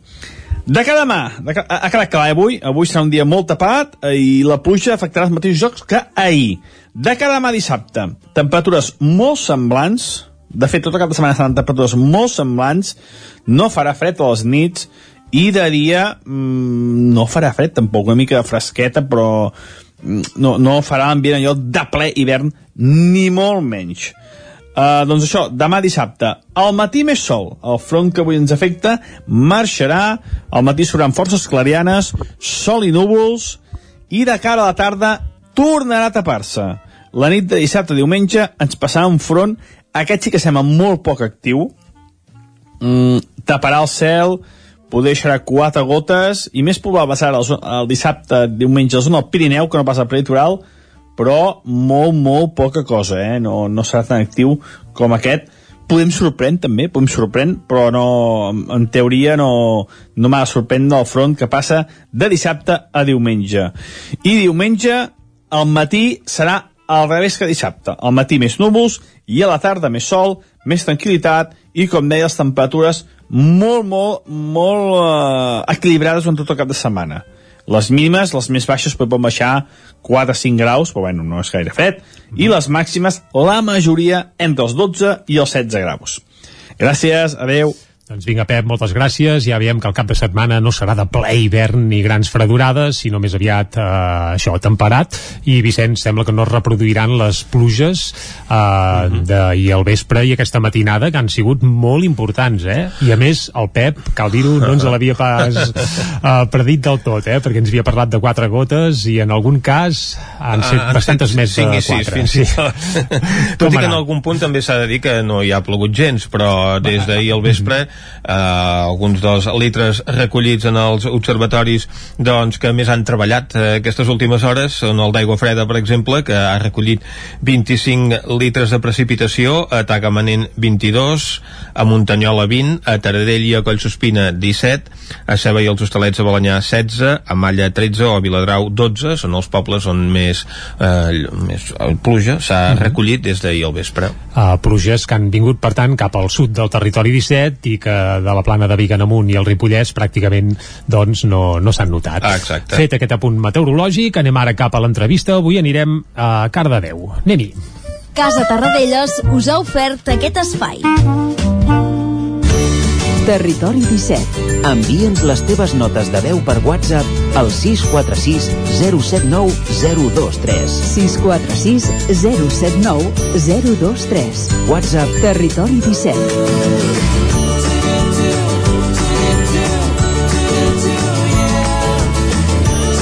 Territori 17. Som a Facebook, Twitter i Instagram amb l'usuari Territori 17.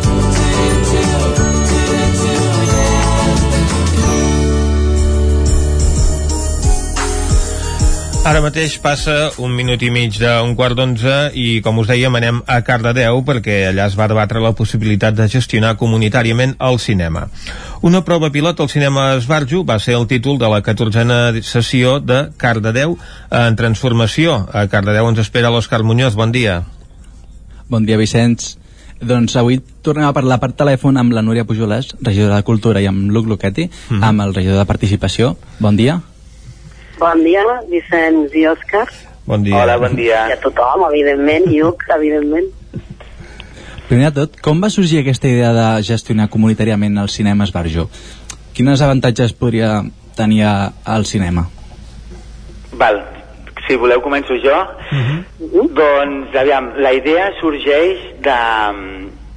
Bàsicament com d'intentar fer una mica un canvi de paradigma a l'hora d'entendre els equipaments públics i entendre'ls des de la perspectiva de que són un bé comú val? i com a bé comú doncs en, entenem que la ciutadania, els veïns i les veïnes haurien de poder decidir sobre la gestió d'aquests equipaments val? llavors a partir d'aquesta reflexió doncs el que, el que volem provar val? És de, des de l'Ajuntament facilitar un procés d'aquestes característiques, no? d'alguna manera d'empoderament uh -huh. de les veïnes i els veïns per tal de, de provar fórmules que introdueixin aquest tipus de gestió més participada. Uh -huh. I considereu que és possible aquest procés d'autogestió? Quins aspectes positius i quins aspectes doncs, us preocupen d'aquesta possibilitat?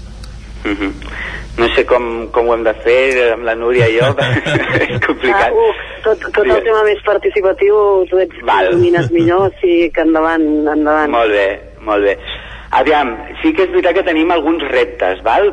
habitualment aquests processos es donen eh, per una demanda explícita de la ciutadania i perquè hi ha un múscul social. En aquest cas ho estem fent eh, doncs com a proposta des de l'Ajuntament. D'acord? Això ja ens planteja un repte que és el de, el de veure si realment eh, això que ara mateix no és eh, explícit eh, però sí que pugui ser d'alguna manera eh, d'alguna manera sí que estem detectant que, que hi ha algunes demandes en aquest sentit. Per exemple ens hem trobat des de que vam fer la presentació per exemple que el públic jove eh, sí que està d'alguna manera doncs, dient Ei, que potser nosaltres eh, no acabem de tenir un, un espai o no acabem d'estar representats no? llavors d'alguna manera aquest és un repte i després l'altre repte és que ho hem d'entendre com un procés val? potser no ens ha d'obsessionar molt el resultat, sinó més el procés. I llavors per això ho hem plantejat sobretot des d'una òptica formativa, és a dir, oferim formació a la gent que està interessada en, aquest, en aquesta prova pilot, en, en temes de gestió comunitària, també volem conèixer altres experiències i llavors bàsicament posar el focus en el procés i no tant en el resultat. El resultat ja veurem quin serà, però sobretot posar el focus en el procés. us heu fixat en altres models perquè hem, hi ha altres espais culturals ja autogestionats us heu fixat en altres models d'altres centres per poder mm, arribar al mateix punt de participació ciutadana? Mm -hmm. Bueno, hi ha experiències n'hi ha moltes. De fet, a Cardedeu ja en tenim. Val? A Cardedeu tenim una festa major, que la Núria es podrà explicar, es pot explicar més, que és molt participada. Tenim una televisió comunitària, que és Radio Televisió de Cardedeu, com sabeu, i tenim experiències. Ara, a fora n'hi ha moltes. A nivell de cinema n'hi ha.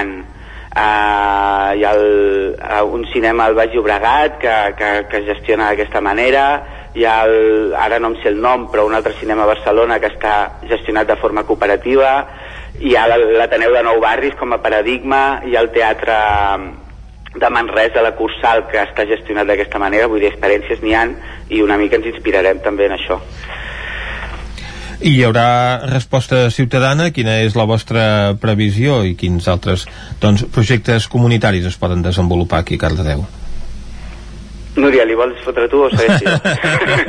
Escoltem a la Núria, que fa estona que no la sentim, Pau. Vale.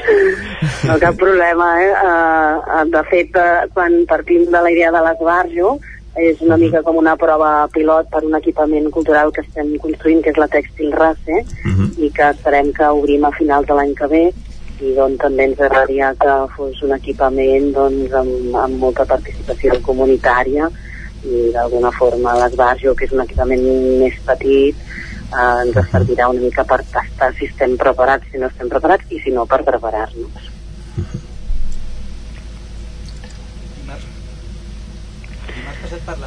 Em sembla que no podem escoltar ara mateix a l'Òscar, se sent molt, molt baixet, molt baixet, si pot pujar el micro segur que el podrem sentir bé tots plegats. Hola? Sí, et sentim. Ara sí? Més amunt. M'has passat per la... A veure... amb la Núria. Exacte. Eh, que el, bueno, el 2019 havien assistit 10.000 persones d'espectadors a l'Esbarjo. Eh, creieu que pot augmentar el, el número d'espectadors de, de, a l'hora de fer un model més participatiu? Ho heu fet també per això, perquè a l'Esbarjo estigui més, més ple? Bueno, no, no és l'objectiu principal. D'entrada aquest any segur que tindrem molts menys espectadors, perquè com que hem tingut la Covid molts mesos tancats i després tenim meitat de l'aforament només, mm. uh, aquest any a nivell d'espectadors punxarem seguríssim, vaja. I suposo que ens passarà als teatres, als cinemes i a la majoria d'equipaments culturals per tot el que estem visquent. Mm -hmm. uh, però de sumes no, no ho llegim tant en lectura de consum cultural com d'experiència cultural comunitària. I en aquest sentit, uh, com deia una mica Luc, no? valorem el procés, valorem una mica doncs, aquesta experiència de que uh, hi hagin noves mirades al cinema esbarjo. Crec que tenim un públic prou consolidat, però justament la mirada d'un públic jove que ha de ser el relleu no? Del, de, dels públics que sempre hem de tenir, tenir la, la mirada posada en el públic jove ens pot ajudar a que deixa molt amb continguts diferents i innovadors crec que el cinema també pot plantejar-se canvis eh, a l'hora de què hi anem a veure o què hi anem, a, què hi anem a fer, no? I sense qüestionar que tenim una aposta qualitativa culturalment a Cardedeu molt interessant en versió original subtitulada i amb molt cinema europeu i d'autor doncs donar-li també una altra mirada. Jo dic que els nostres equipaments municipals tenim la sort que són molt utilitzats uh, per la gent de Cardedeu i són molt oberts i per dir un exemple fa poc una ballarina local la Sònia Sánchez ens va proposar de fer un documental que es diu L'ombra que va fer ella a la casa de la Carmen Amaya i la gent sap, els artistes saben que tenen una pantalla gegant on poden proposar-nos els documentals que ells creen i això també ho volem obrir encara una mica no? aquesta participació també de, tenim la sort de tenir molts artistes a, a Cardedeu que mm. sentin que tenen aquesta pantalla on ells també ens poden mostrar qui són llavors, eh, tot sumaria, eh? perdona, potser m'he embolicat no. aquesta mirada jove amb la, els artistes amb una mirada qualitativa de l'esbarjo i uh -huh. d'experiència Bé, perquè aquesta proposta que forma part d'aquest projecte de Cardedeu en transformació, explica'ns una mica doncs, en què consisteix i com ha anat avançant tot aquest procés. Mm. El, clar, les àgores que fem de Cardedeu de Transformació bàsicament eh, són, són espais on nosaltres com a govern eh, presentem a la ciutadania doncs quines són les apostes estratègiques a nivell de govern per transformar Cardedeu. I en aquest cas va ser sobre gestió comunitària, però n'hem fet moltes més, no? Vull dir, n'hem fet sobre model de serveis socials, sobre mm, eh, participació ciutadana, sobre temes de... Clar, ara et diré les que jo he anat fent perquè són les que tinc més fresques, mm -hmm. eh? Però amb temes de feminisme i de coeducació, eh, jo què sé, hem, no sé si tu, Núria, eh, tens al cap ara alguna àgora més, però hem anat, eh, ja, són 14 àgores ja on presentem aquests objectius estratègics, no? Uh -huh. Uh -huh. Núria, eh, ens queda un minut. El govern acaba d'anunciar doncs, un pla de mesures per aplicar aquestes festes de Nadal, que pel que fa als equipaments eh, doncs, culturals es manté aquesta restricció del 50% en l'aforament. No sé si a Cardedeu doncs, us afecta d'alguna manera en les activitats que teniu previstes en els propers dies. Doncs sí, hem estat patint escoltant les declaracions ara fa poc uh mhm. -huh. i, i sí, tenim, tenim la sort que Cardedeu és una vila molt activa culturalment i doncs ara properament tenim la Civila, que és un dels espectacles uh, uh -huh. que fem al Teatre Auditori i evidentment la programació del cinema Esbarjo i la biblioteca i tant, i el museu que acabem d'estrenar també una exposició nova, vull dir que uh -huh.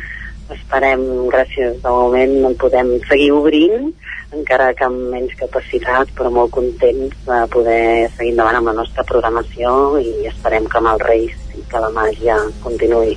Doncs esperem això, que la màgia continuï, que puguem continuar gaudint d'equipaments com els que acabem de parlar amb Luc Luquetti i la Núria Pujolàs, regidors de Cardedeu. Gràcies a tots. El nou FM. La ràdio de casa al 92.8. Òptica Visual Opti3. Regala qui estimis, visió, salut, protecció, prevenció i moda. Per tu, regala't una revisió visual completa. Visual Opti3, la teva òptica. Ens trobaràs a Facebook, Instagram, visualopti3.com i a la plaça Major 39 de Vic. Per estar bé a casa, vine a Mobles Verdolet sofàs, sales d'estudi, dormitoris, menjadors i molt més. Mobles fets a mida. Mobles Verdolet. Ens trobareu al carrer Morgades 14 de Vic i al carrer 9 44 de Torelló i també a moblesverdolet.com. Mobles Verdolet us desitja bones festes. Cocodril Club. Si t'agrada la bona música dels anys 60, 70 i 80, escolta el 9 FM als matins de dissabtes i diumenges d'11 a 1. És el temps del Cocodril Club, tot un clàssic de la ràdio, amb les bases del pop-rock, les llegendes, les cançons que s'han convertit en autèntics himnes. Recorda, dissabtes i diumenges al matí, d'11 a 1, al 9 FM 92.8. Cocodril Club, el programa revival de l'Albert Malla. Hasta luego, Anuncia't al 9FM. La màquina de casa. 9 3 8 8 9 4 9 4 9 Publicitat arroba al 9FM.cat. Anuncia't al 9FM. La publicitat més eficaç. Només pensar en passar aquesta nit sense calefacció amb aquest fred? No es preocupi, hem analitzat a fons la caldera i de seguida quedarà reparada i en funcionament. Quan tingui un problema amb la seva caldera, vagi directament a la solució. Truqui sempre al servei tècnic oficial de Saunier Duval i despreocupis, perquè som fabricants i coneixem les nostres calderes peça a peça. Informis a Oficiat Nord trucant al 938860040. Saunier Duval, sempre al seu costat. Farmàcia Vilaplana. Productes de cosmètica de marca pròpia Lierac i Nux. Farmàcia Vilaplana. Vine a veure els nostres packs de productes d'higiene i cosmètica per a aquestes festes. Regala salut i bellesa als que més estimes. Farmàcia Vilaplana. Ens trobaràs a la plaça Major 17 de Vic i també a Facebook i Instagram. Cada territori té un atractiu o més d'un. El fruit, el paisatge, la seva gent, les pedres... Camins de l'Eix. Descobrint el capital de terra endins. Camins de l'Eix, dissabte a les 9 del vespre al 9 TV. Aquesta setmana, la Vall d'Aran, amb el suport de la Generalitat de Catalunya. 7 milions i mig de futurs. La ràdio de casa al 92.8. El 9 FM.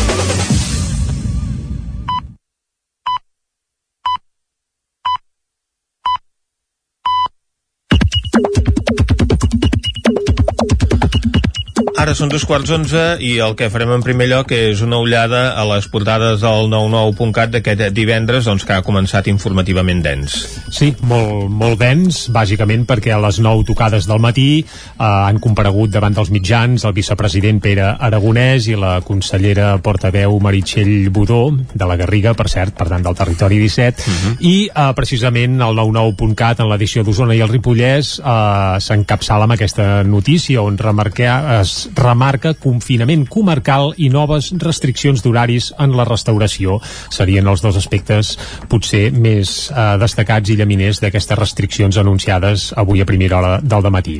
El 99.cat, edició Osona i el Ripollès també es fan ressò de com es pot visitar el Vic.0, que recordem-ho, és aquest nou espai turístic, cultural, arquitectònic que s'inaugura eh, aquesta tarda vespre, en aquest cas a Vic. També parlen que Salut treballa en un nou mètode de càlcul que situaria la famosa RT aquella eh, entre l'1,45 i l'1,50, per tant estaria molt més disparada del que es diu actualment, i també es parla de Jordi Coromina, aquest cuiner de l'Horta de Tabertet, que obté el Premi Revelació als Premis Nacionals de Gastronomia.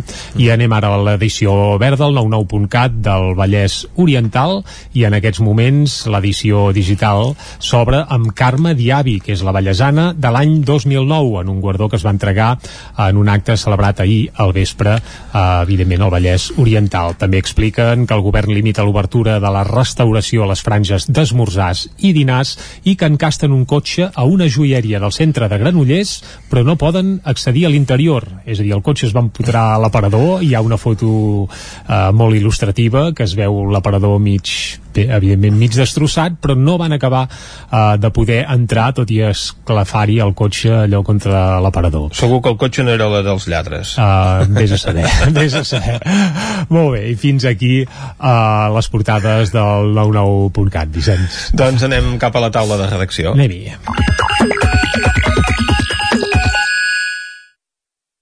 Territori 17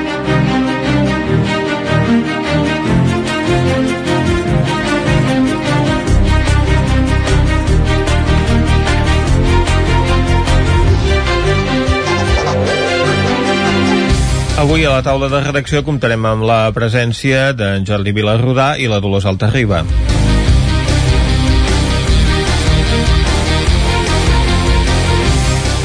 Comencem parlant de les intervencions a les, a les adoberies de Vic i ho fem amb en Jordi Vilarrodà perquè aquesta és una zona catalogada on l'Ajuntament de Vic hi està invertint, oi Jordi? Bon dia.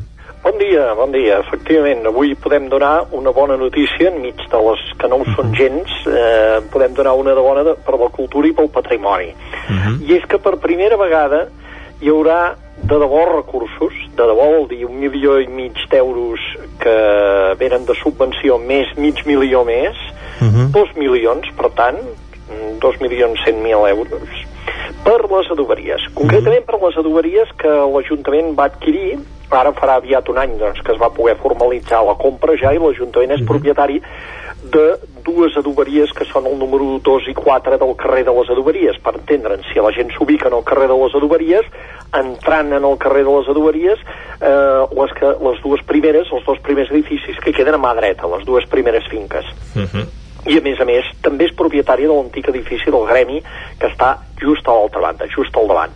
Uh, però aquestes dues són les que s'actuarà.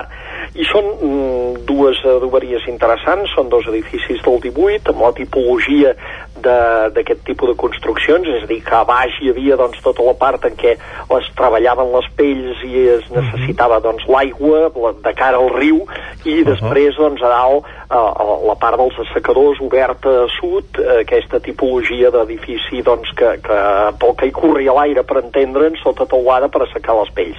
Mhm. I aquest edifici, o aquests dos edificis, millor dit, que, que estan enganxats, però són dos, dues finques, es podran rehabilitar gràcies a una subvenció que ha arribat, o que arribarà, de l'anomenat 1,5% cultural. Què vol dir això? Això és, això és una quantitat que ja fa anys que està estipulat que de qualsevol obra pública que es fa es destina un 1,5% del pressupost, abans era un 1, per projectes culturals això tant les que fa el govern de Catalunya com les del govern d'Espanya. En aquest cas això ve del govern d'Espanya. Es presenta un projecte, després hi ha una comissió de dos ministeris, del de Cultura i en aquest cas el de transport, mobilitat i agenda urbana, que es diu ara, que decideix quins són els projectes de tot l'Estat que es poden subvencionar. Uh -huh. I aquí doncs, hi ha hagut la sort o l'encert o el bon projecte de que eh, un d'aquests ha estat eh, el projecte presentat per l'Ajuntament de Vic de les adoberies i això vol dir que es reba aquest milió i mig d'euros, els que després s'ha d'afegir la resta fins a completar aquest pressupost de 2 milions 100. Amb això es pot fer una rehabilitació integral dels dos edificis, que l'Ajuntament pretén que sigui d'alguna manera el motor per engegar doncs, que, que es vagi rehabilitant la resta. La resta, és clar, és de propietaris privats, eh? És clar, no, no tot ho té l'Ajuntament, ni ho pot uh -huh. fer l'Ajuntament. Són propietaris privats, però això pot ser com el primer pas per començar a rehabilitar tot aquest sector.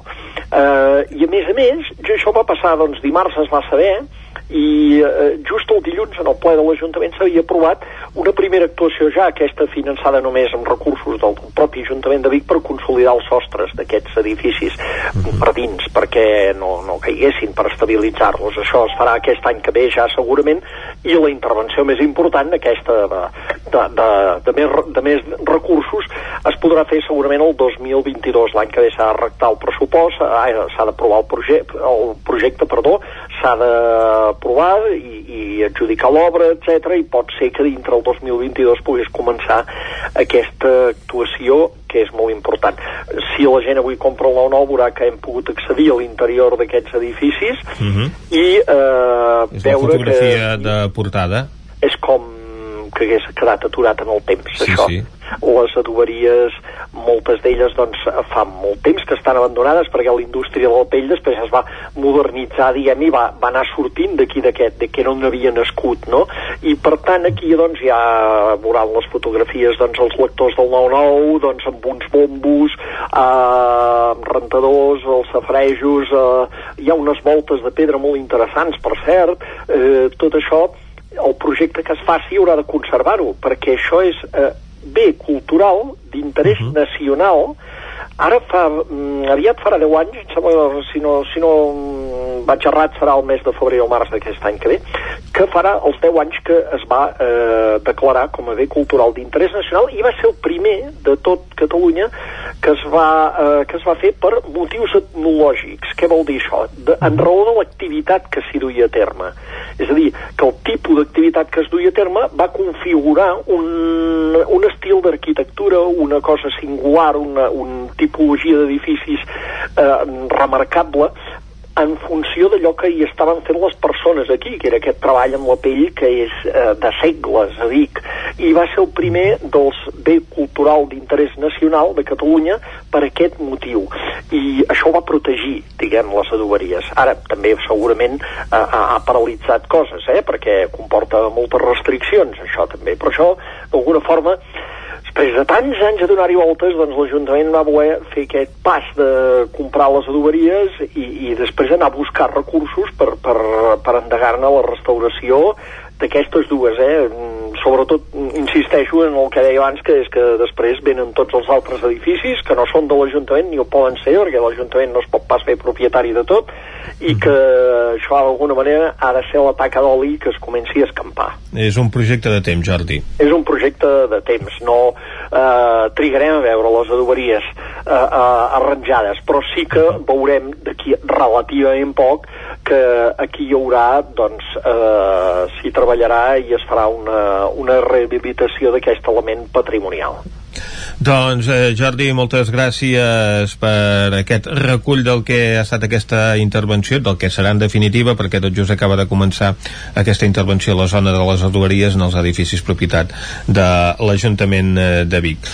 I fins una altra. Fins una altra. Gràcies, bon dia. Gràcies, Jordi. Anem ara a parlar amb la Dolors Altarriba d'una notícia referent a les plantes de purins que hi ha a Osona, concretament al terme de Sant Martí Sescorts i de les Masies de Voltregà, unes plantes de purins que han estat adquirides per un grup portuguès, no? Sí, exacte. Eh, em sembla que, bé, Ignis, que era l'última empresa que les havia comprat, doncs eh, s'ha venut aquestes dues i quatre més que té una al Carràs aquí a Catalunya també i tres més que té en altres punts d'Espanya, doncs eh, en aquest grup portuguès que, que, bueno, que, que, que, que ho gestionarà a través d'una filial espanyola que es diu Capwatt Power uh -huh. i que ja és un grup important eh, diguem-ne amb, amb, amb molta presència de fet amb plantes de cogeneració ara a Espanya eh, és el primer val? Eh, amb, aquesta, amb aquesta compra. Uh -huh. Per tant, eh, bueno, s'ha fet un canvi de mans, s'haurà de veure eh, també a veure això què comporta, perquè la veritat és que ara mateix mm, no se sap eh, que, si es faran canvis o no en el mateix sistema de funcionament de, de les plantes, com si ho recordem aquestes plantes funcionen amb, eh, o sigui amb, amb, amb gas que es compra uh -huh. per fer escalfar perdó, per, uh, per escalfar i assecar els purins i, i després depenen d'una prima eh, per, per abocar eh, a la xarxa elèctrica no? i uh -huh. aquest, és, aquest és un model mm, que no és eh, que no és el, el, el, el que tocaria segurament i que no és eh, massa sostenible perquè en el moment en què desapareix ja ha passat en el passat en el moment en què desapareix la prima doncs no hi ha negoci uh -huh per tant s'haurà de veure si, si ells tenen intenció de fer uh, algun altre canvi en aquest sentit. A veure, pel que pel, pel que sabem l'empresa anterior Ignis ja havia fet algunes um, algunes adequacions a les dues plantes perquè, o sigui, preparant-les una mica perquè puguin tenir més capacitat de la que, de la, de la que tenien normalment, no? I una mica algunes millores en aquest sentit. Ara bé, el sistema segueix sent el mateix, per tant aquí el que cal veure és cap on anirà eh, en els propers anys per, perquè es puguin mantenir més enllà de, de... perquè aquest sistema té una data de caducitat uh -huh. eh, que, que és els anys 27 i 29 respectivament i per tant eh, si no el canvien no, no, no s'hauran de tancar per tant aquí s'haurà de veure ja una mica si aquesta empresa doncs té ganes de fer alguna cosa o sigui que ha adquirit unes, unes plantes amb data de caducitat Sí, sí, sí, sí.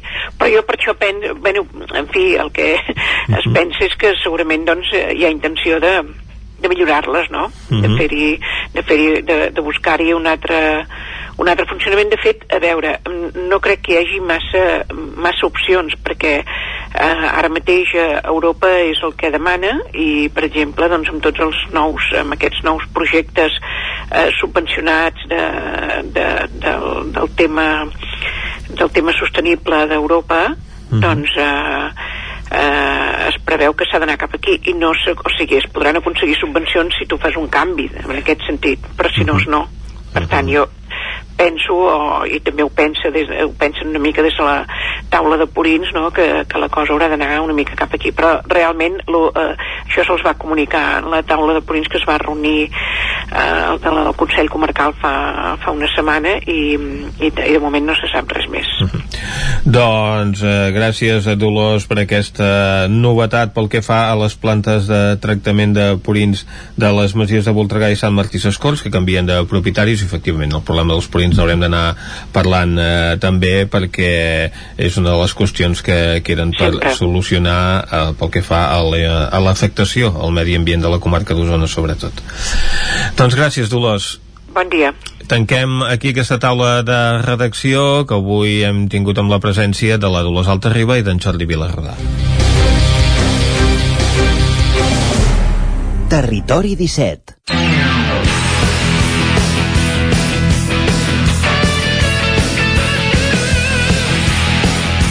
Doncs tanquem la taula de redacció, som divendres, hem escoltat en directe la roda de premsa del govern on s'explicaven i es detallaven les noves mesures eh, bé, per combatre el coronavirus i aquestes mesures de moment sembla que no afectaran l'agenda esportiva del cap de setmana, els pocs equips que tenien feina, diguem que en tindran igual perquè les competicions d'àmbit estatal i professional no s'aturen. Per tant, Vicenç, podem Exacte. repassar l'agenda, entre cometes, amb relativa tranquil·litat i sense por de que ens quedi caducada, eh? Ah, exacte, podem eh, doncs repassar la versió reduïda d'aquesta agenda esportiva que ja tenim al llarg d'aquestes últimes setmanes perquè, com eh, deia en Jordi, només es poden disputar competicions d'àmbit estatal o d'àmbit professional i el que farem eh, com cada setmana començar aquest recorregut des de Cardedeu amb l'Òscar Muñoz. Bon dia, Òscar.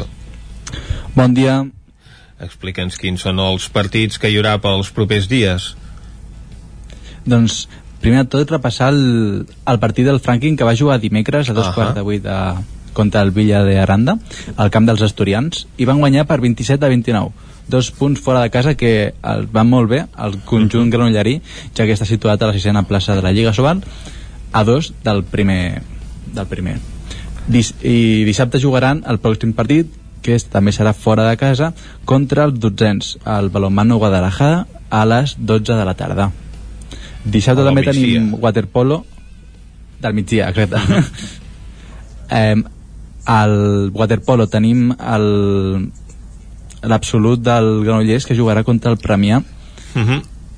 demà mateix a la una del migdia un Premià que va últim a la classificació de primera divisió masculina i el Granollers eh, va segon a 5 punts del primer o sigui que també ho té allà, allà a tocar aquests partits són els últims abans de l'aturada nadalenca així que i per acabar el futbol tenim l'Esport Club Granollers que jugarà aquest cap, de, aquest, em, aquest cap de setmana a casa diumenge a les 12 del migdia contra el Girona B que estan a 3 puntets o sigui, si juguen aquest cap de setmana podran arribar a empatar a la classificació Esperem-ho, doncs. Gràcies, Òscar, per aquest repàs esportiu del Vallès. Anem a l'altra banda del Vallès, a una codinenca, on ens espera la Caral Campàs. Caral, bon dia. Hola, bon dia. Explica'ns quins són els partits que podrem veure en els propers dies, perquè ja ve la setmana que ve doncs, l'aturada nadalenca, no?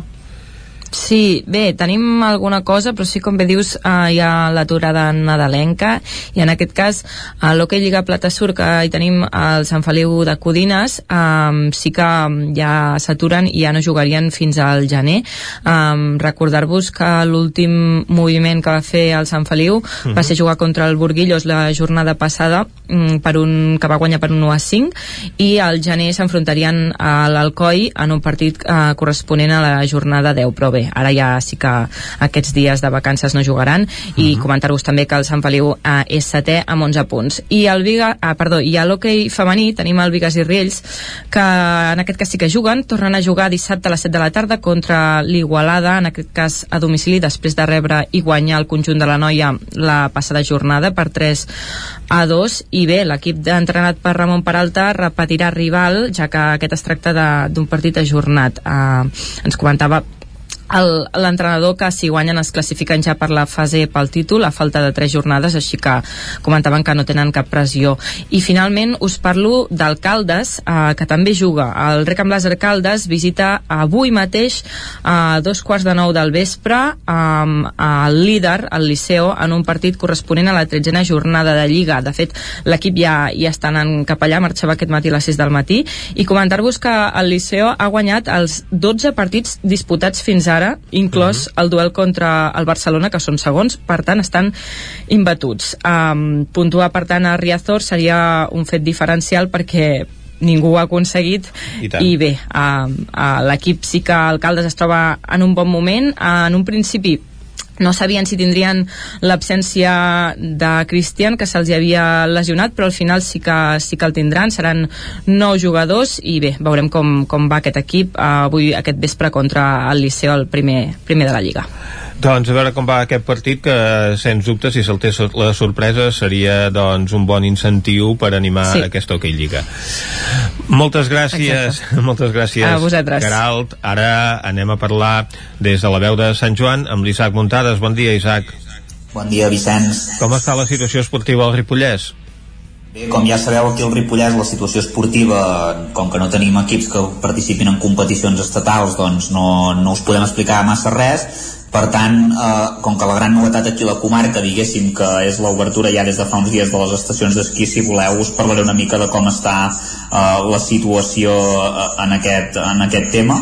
Ara, a més a més, sí. que s'ha confirmat el, aquest confinament comarcal de dilluns a diumenge, que en aquest cas, doncs, bé, per la gent que sigui de la comarca, sobretot, eh, li va molt bé, però, però vaja, eh, per exemple, per Doncs la segona residència, per tant, i- i- aquí a, a Vall de Núria ara mateix eh, la situació és molt bona perquè hi ha entre 40 i 70 centímetres de neu vull dir que és, Mhm. una, és un, un bon gruix per, per anar a esquiar, més és, és neu pols Mhm. i, i sí que potser una mica la diferència amb Vallter és que hi ha doncs, eh, menys pistes i, i quilòmetres esquiables perquè per exemple només hi ha 4 de les 11 pistes obertes i, uh -huh. i el 34% dels, quiom- dels quilòmetres esquiables això sí, funcionen 4 dels 5 remuntadors i per exemple avui eh, fa, fa bastant fred pràcticament no se supera el grau de temperatura vull dir que bé, és, aquests dies és normal que, que faci fred però si us recordeu la setmana passada us explicàvem que, que feia una mica més de caloreta per lo que era estar gairebé 2.000 metres o, o, o quan se superaven perquè estàvem a 10 graus però en aquest cas eh, avui fa una mica més de fred. I, i en el cas de Vallter la situació és una mica diferent perquè hi ha menys gruix de neu, hi ha entre 20 i 40 centímetres i la neu potser no és tan, no és tan bona, és més, és més dureta però sí que eh, per contra que Vall de Núria té més pistes obertes en té 7 de 13 i el 43% dels quilòmetres esquiables i, i funcionen 5 dels 10 remuntadors. Per tant doncs eh, i la temperatura és una mica més alta, és pràcticament de 2, de 2 graus. Vull dir que eh, si aquest cap de setmana doncs, ja esteu aquí a la comarca del Ripollès i, i voleu eh, anar a esquiar com ja van fer les primeres persones a, a principis d'aquesta setmana doncs eh, és, un, és un bon moment per aprofitar i, i fer un dels que segurament és dels esports més segurs que hi ha eh, actualment perquè és a l'aire lliure pràctic, pràcticament bé, no hi ha contacte en aquest cas eh, excepte en les zones de, del que serien els remuntadors per tant ideal per, per practicar-lo i a més amb una climatologia que no és pas tan eh, dolenta. Per tant eh, ja ho sabeu, si esteu per aquí Ripollès és un bon moment per anar a esquiar. La muntanya és molt gran i aquest límit de capacitat del 50% doncs sens dubte que no s'hi arribarà amb aquest confinament d'àmbit comarcal però que no només eh, aquesta situació beneficia la gent de la comarca del Ripollès sinó que tots aquells que hi tenen la segona residència com que també s'hi poden desplaçar també podran anar a esquiar a alguna de les estacions ripolleses. Gràcies Isaac. Ara anem a parlar amb l'Ester Rovira que ens posarà al dia de quina és la situació esportiva a la comarca d'Osona. Bon dia. Doncs, eh, malgrat tot, eh, déu nhi la- l'activitat esportiva pot haver, no? que hi haurà aquest cap de setmana, sí.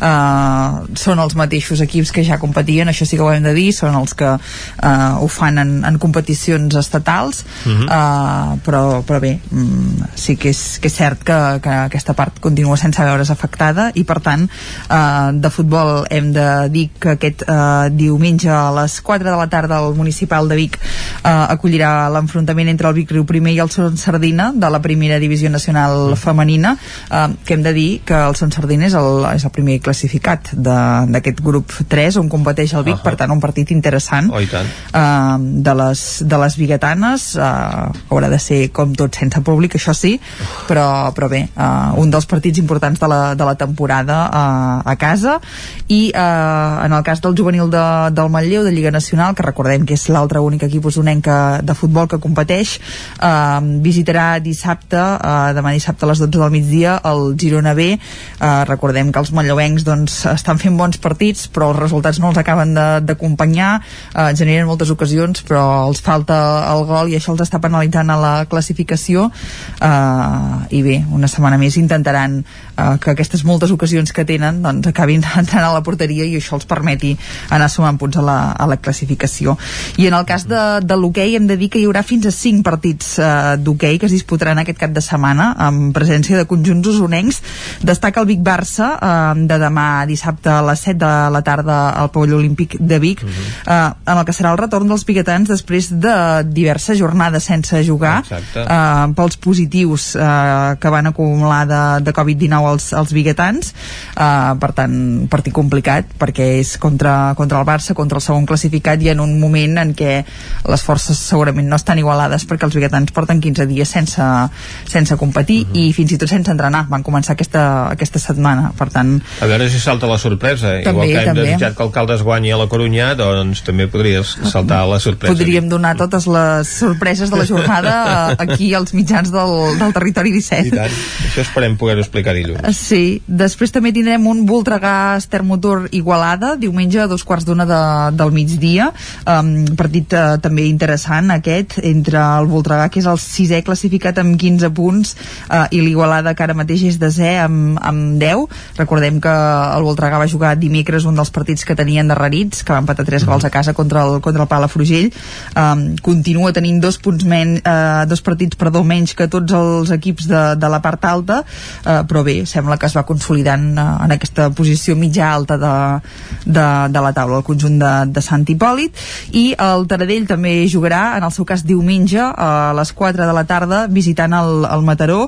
En aquest cas és un duel uh, d'equips de la part baixa el Taradell ara mateix és el 14è amb 8 punts i el Mataró és el 15è amb 5 per tant, -huh. uh, duel importantíssim i més perquè el Taradell està empatat a 8 punts amb el Lloret i el Vendrell que ocupen la 12a i la 13a posició per tant això, en funció de com vagin els resultats el Taradell si guanyés doncs podria treure una mica més al cap d'aquesta part uh, baixa de, de la classificació que de fet és el que li interessa eh? l'altre dia uh, Ferran Moreno després de, del partit um, uh, que era contra el Liceu, en el seu cas deia això que ara els hi venia a la seva lliga i que per tant el que havien de fer era intentar començar a treure el cap d'aquesta part baixa i situar-se en una zona una mica més, més còmoda i, i tranquil·la, veurem si, si en són capaços. Un altre dels partits destacats aquest cap de setmana és l'hoquei Lliga Femenina. Eh, es veuran les cares al Palau i al Voltregà que són els dos primers classificats del, del grup B de, de la competició femenina d'enguany de, i separats només per un punt de, de diferència. Eh, per tant, tot l'interès del món aquest partit de diumenge a un quart de dues de, del migdia al Vallès Occidental. I per últim també jugarà el Manlleu Embotit Solà um, de l'hoquei Lliga Plata no el femení, no el Màgic Estudio perquè teòricament de fet uh, no hi ha jornada d'hoquei Lliga Femenina.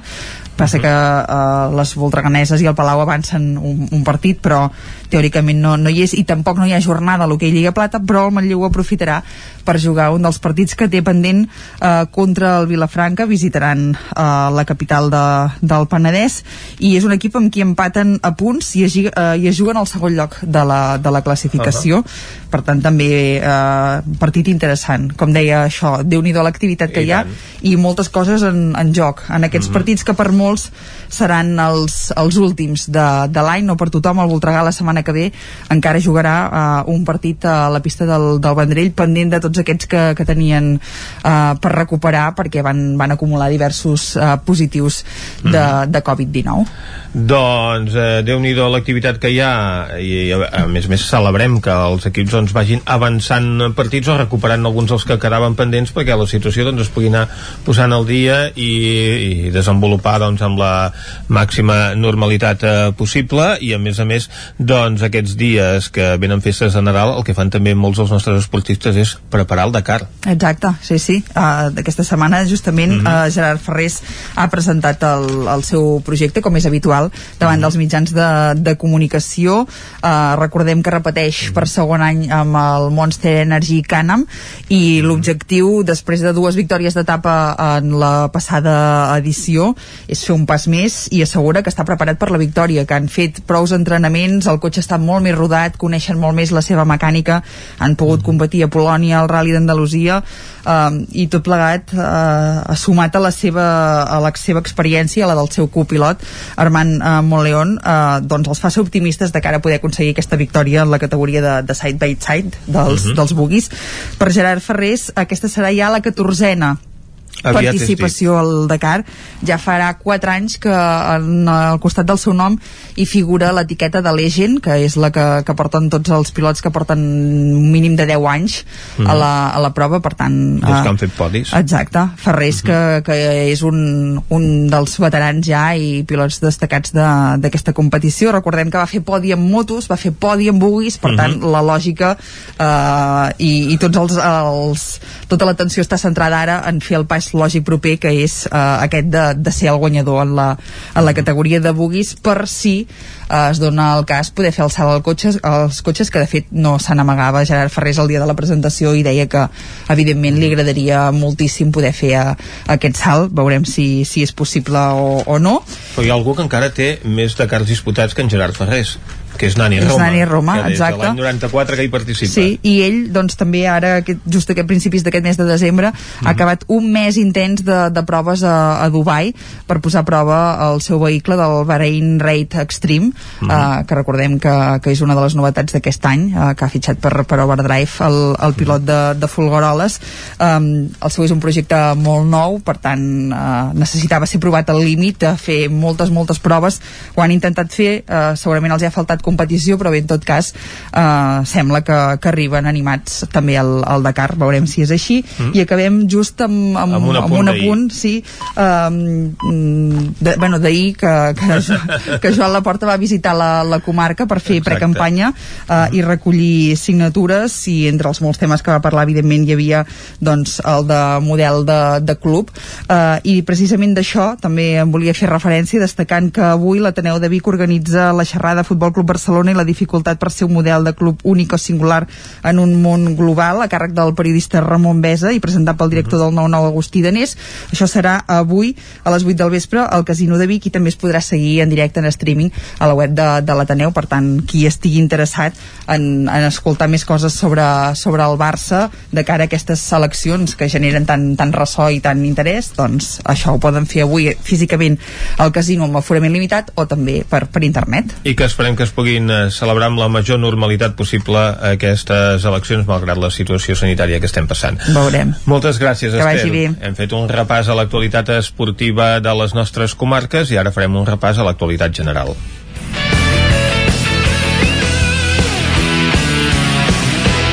Són les 11 i un minut del matí i en aquest punt torna la informació de les nostres comarques, les comarques del Ripollès, Osona, el Moianès i el Vallès Oriental. Territori 17, amb Vicenç Vigues i Jordi Sunyer.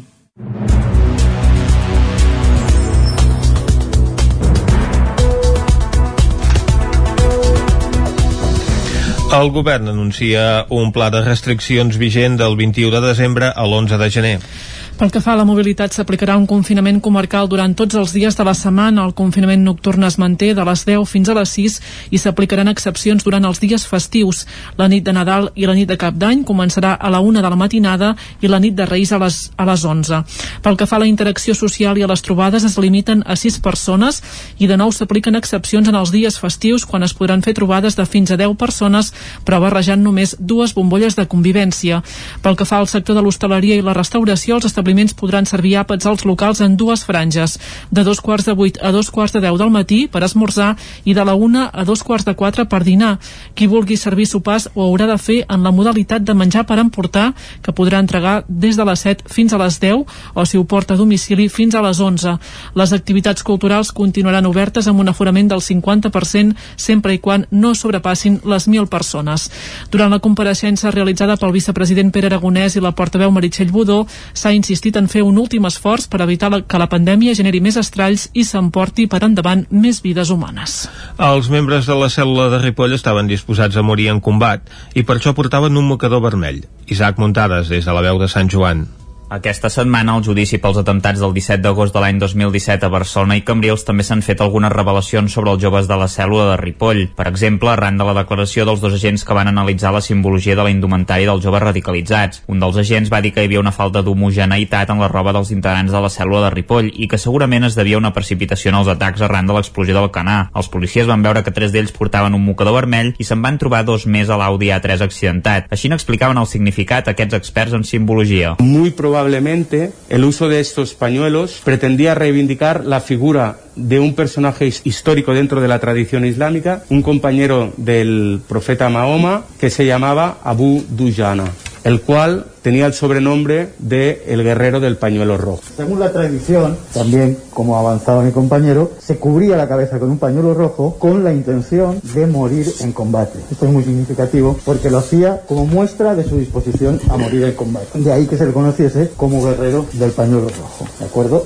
De hecho, murió en combate, murió en la batalla de Acraba, en la que se le atribuye además haber matado al autoproclamado profeta Musaylima. A més, va recordar que els terroristes de l'11M de Madrid de l'any 2004 van reivindicar la figura de Budujana, un fet que s'ha repetit en múltiples atemptats. Aquestes explicacions van posar nerviós a Drisu Kabir, que no parava de gesticular. Los atacantes de Cambrils usaran la bandana roja, el pañuelo rojo, por tres motivos. Uno, un primero sería legitimar una acción terrorista a ojos de la comunidad islámica, reivindicando una figura que crea cohesión dentro de lo que sería la comunidad islámica, porque los compañeros del profeta Mahoma son vistos como, como una imagen de referencia para todos ellos. Un segundo objetivo sería reforzar las dinámicas de cohesión dentro del mismo grupo y un tercer objetivo y muy importante sería reforzar la determinación a actuar hasta morir. Els analistes dels Mossos també van detallar els lligams de l'imam Abdelbaki Essati amb individus extremistes que van freqüentar la mesquita de Vilanova abans del 2006. A més, ell havia compartit pis amb Belkacem Bellill, que es va immolar contra carabiners italians a l'Iraq.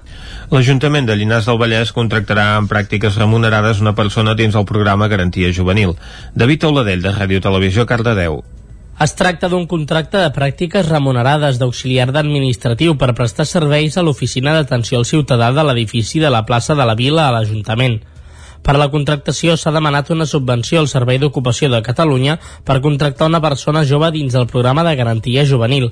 El contracte tindrà una durada de 7 mesos al 100% de la jornada, el que es tradueix a les 37 hores i mitja a la setmana. El programa Garantia Juvenil incentiva la contractació en pràctiques de joves en formació per millorar la seva ocupabilitat amb l'adquisició de les aptituds i les competències derivades de la pràctica laboral i així afavorir d'aquesta manera la seva incorporació al mercat laboral de forma estable i duradora en el temps. Aquestes contractacions resten condicionades a l'atorgament de la subvenció destinada a incentivar la contractació en pràctiques de persones beneficiàries. El nou espai jove a la cova de Vigues i Riells s'inaugurarà aquest cap de setmana. La data d'obertura va ser posposada fa un mes davant la situació de la pandèmia. Caral Campàs és d'una codinenca. Aquest diumenge el consistori de Vigues inaugurarà el nou espai jove la Cova, una data que en un principi s'havia marcat a mitjans de novembre i que es va haver de suspendre. A l'acte hi seran presents el conseller de Treball, Afers Socials i Famílies, Shakir El Homrani, la directora general de Joventut de la Generalitat, Laia Girós, i la coordinadora territorial de Joventut de la Generalitat, Laura Ribalaiga. També l'alcalde Joan Galiano i altres càrrecs del consistori. L'acte tindrà lloc a la una a la nova cova ubicada al Rovell de l'Ou de Vigues, al Parc de Can Badell, a tocar del pavelló municipal d'esports i del Centre Cívic i Cultural El Riaral. El nou edifici s'ha executat per un pressupost de 415.000 euros. L'equipament és un projecte del Despatx d'Arquitectura i Urbanisme Aquidos. Consta d'una zona de tallers divisible, un espai de lectura i informàtica, una sala polivalent, una terrassa i diversos magatzems. El resultat és un equipament de 300 metres quadrats que es pot sectoritzar per serveis. El nou casal està pensat des de la perspectiva de l'usuari i és respectuós amb l'entorn. Aquesta tarda i després de mesos treballant-hi, Vic donarà el tret de sortida al Vic.0. Serà en un acte que arrencarà a dos quarts de set de la tarda i que presidirà la consellera de Cultura Àngels Ponsa. Ho farà al costat de l'alcaldessa de Vic, Anna R, i amb un aforament limitat, seguint les mesures i els protocols d'actuació davant de la Covid-19. El Vic.0 és el projecte cultural i turístic de Vic que fins ara es coneixia com a Illa de la Pietat. A partir d'aquest diumenge, les visites s'obriran a tot el públic de la ciutat i de la comarca, unes visites gratuïtes que s'allargaran fins al 10 de gener. Les jornades de portes obertes es faran de dilluns a diumenge, de 10 del matí a 1 del migdia i de 4 a 7 de la tarda. Les vigílies dels dies festius, el 24 i el 31 de desembre i el 5 de gener, només es faran als matins.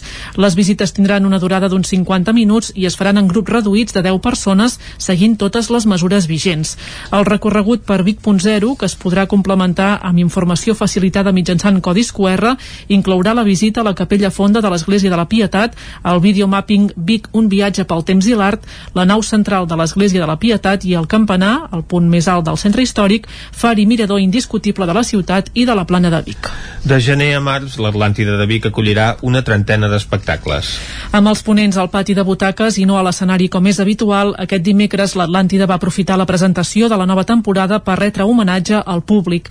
Malgrat els mesos de tancament i la incertesa derivada de la pandèmia, el Teatre Bigatà aposta per la presencialitat. De gener a març, l'Atlàntida acollirà una trentena d'espectacles. Per primera vegada, el programa no és semestral, sinó trimestral. Una fórmula que permetria, en cas que s'endureixin de nou les restriccions al sector cultural, tenir més marge de maniobra a l'hora de reprogramar. Gairebé el 40% dels espectacles que es van presentar són propostes que la pandèmia va obligar a suspendre. Una dada que per la directora general de la Fundació L'Atlàntida, Montse Catllà, vol posar de manifest el compromís del teatre amb els artistes. És clar que no és una solució ideal perquè vol dir que amb això ocupem espai per noves contractacions, és evident, eh? Però també és evident que si un artista ja confiava, no? ja havia fet una producció, ja confiava que nosaltres doncs, li exhibiríem, doncs ens sembla que ens havíem de mantenir ferms en aquest, en aquest acord eh, adquirit. La figura de la dona i les propostes locals marcaran el nou trimestre. En el camp de la música moderna destaquen els concerts de Buos, Clara Peia i el manlleuenc Guillem Roma. Pel que fa a les obres de gran format, l'obra La dona dels 600, interpretada per Mercè San Pietro i Jordi Benacolotxa. Ramon Ferrer és el cap de programació de l'Atlàntida com a anècdota valgui, val, val la pena dir-ho, és la quarta vegada que el programem. Esperem que aquesta serà la definitiva. Una obra que, que la, ja havia suscitat molt interès ja perquè hi ha la Mercè San Pietro, l'Àngels Guanyalons en Jordi Ivana Colotxa, etc. per tant és una obra molt interessant. I fins ara no l'hem pogut fer, a veure si aquesta vegada podem el programa també inclou propostes alternatives vinculades a la reivindicació social, un canal que ha de permetre a l'Atlàntida teixir noves complicitats amb les entitats de la comarca. I fins aquí el butlletí informatiu de les 11, que us hem ofert amb les veus de Vicenç Vigues, Natàlia Peix, David Auladell, Caral Campàs i Isaac Muntades. I ara, abans de descobrir clàssics internacionals de la música de tots els temps, una darrera ullada a la informació meteorològica.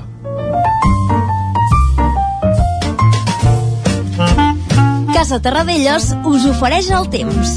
I a les portes del cap de setmana, qui ens acosta de nou el temps és en Pep Acosta. Bon dia, Pep. Hola, molt bon dia. Molt bona hora. De cara a migdia, mm -hmm. les temperatures baixaran una mica respecte a ahir, a l'haver-hi més núvols i això, la temperatura serà una mica més baixa que l'ahir. Mm -hmm. No superarem els 12, eh, entre els 12 i els 15 a l'interior, cap al peritoral poder algun valor s'arribarà als 16 graus, eh? però no, no seran unes temperatures com les d'ahir, que ahir al migdia hi va haver un moment que feia una mica d'ambient càlid i tot, eh? una mica d'ambient càlid i tot, -hmm. i això és perjudicial per tot, començant per la, pel vegetals, pels animals, per les persones, i avui no, eh? no, no farà l'ambient una mica càlid que hi va haver ahir.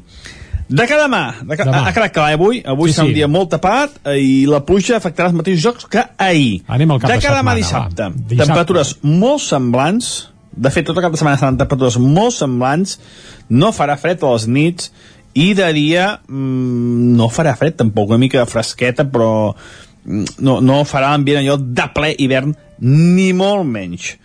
Uh, doncs això, demà dissabte, al matí més sol, el front que avui ens afecta marxarà, al matí seran forces clarianes, sol i núvols, i de cara a la tarda tornarà a tapar-se.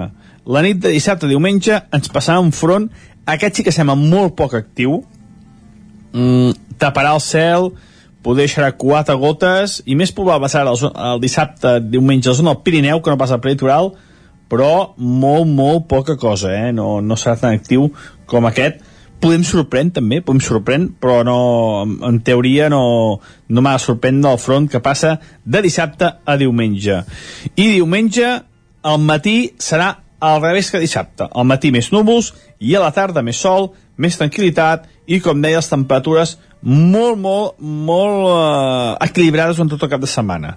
Les mínimes, les més baixes, poden baixar 4 o 5 graus, però bueno, no és gaire fred, i les màximes, la majoria, entre els 12 i els 16 graus.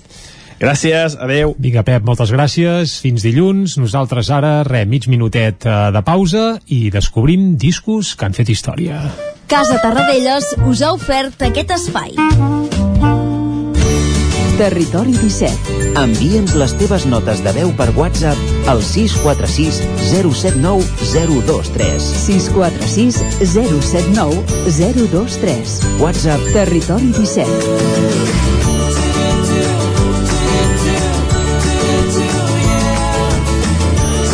Territori 17. Som a Facebook, Twitter i Instagram amb l'usuari Territori 17.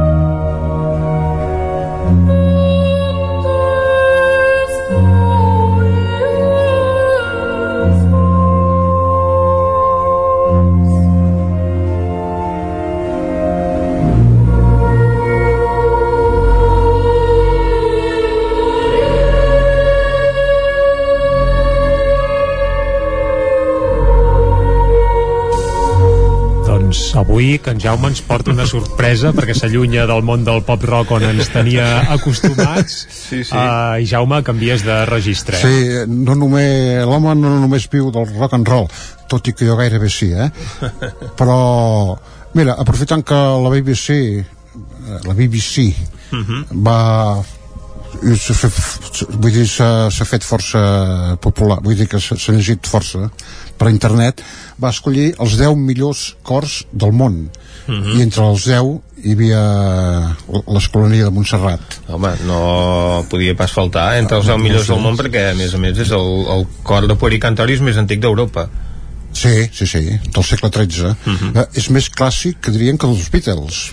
Imagina't. Els Beatles és, del sec, és del segle passat, del segle XX. Uh, I aquest disc, que és, per, per mi és una meravella, estem escoltant l'Ave Maria de Schubert, arreglat per el que era director fins fa pocs anys, el Bernat Vivancos, uh -huh. compositor també, és una Ave Maria una mica diferent, uh, i es va, aquest disc es va gravar a l'octubre del 2013 uh -huh. a, a ara fa set anys a l'escolania a la Basílica de l'Escolania Amb l'orgue, que és el que amb l'orgue aquest que va costar no sé quants milions d'euros i que el Molta gent toca el va patrocinar, no? va Exactament, pagar els sí, tubs sí. de l'orgue. i que el toca la Mercè Sanch, Sanchís que és la titular de, de l'orgue aquest. Eh, va sortir l'any 2014 però també a, a part de- de- d'això de, de la BBC també porto aquest disc perquè eh, hi ha dos al, al, al disc hi ha dues, du- dues Nadales i tu, aquest, aquest Nadal serà, serà molt Serà estrany. diferent. i, i aquí ara es- es- el farem doncs farem una mica d'ambient de, de Nadal, perquè a més a més el divendres que ve és festa, no hi ha programa És Nadal, no, Clar, sí, no, no hi serem divendres que ve. l'altre divendres tampoc Nadal. doncs aprofitem ja per menjar torrons no hi ha torrons, però sí que hi haurà Nadales Tampoc hi acaba. No, tampoc hi Nadales acaba. ja n'hem portat alguna ja, eh? però sí, no érem de l'escolania de Montserrat, Molt això bé. també és cert. I aquesta eh, eh, és una Nadala que es diu, és alemanya, es diu Est Ist ein Ross Sprungen. Perdoneu-me, eh? No, el nostre alemany, si fa no fa, almenys el meu és similar al teu, eh? Molt bé, Que sí. Ho he vist perfecte. doncs aquí tenim l'escolania cantant aquesta Nadala alemanya. Doncs escoltem-ne un bon fragment, vinga. Uh,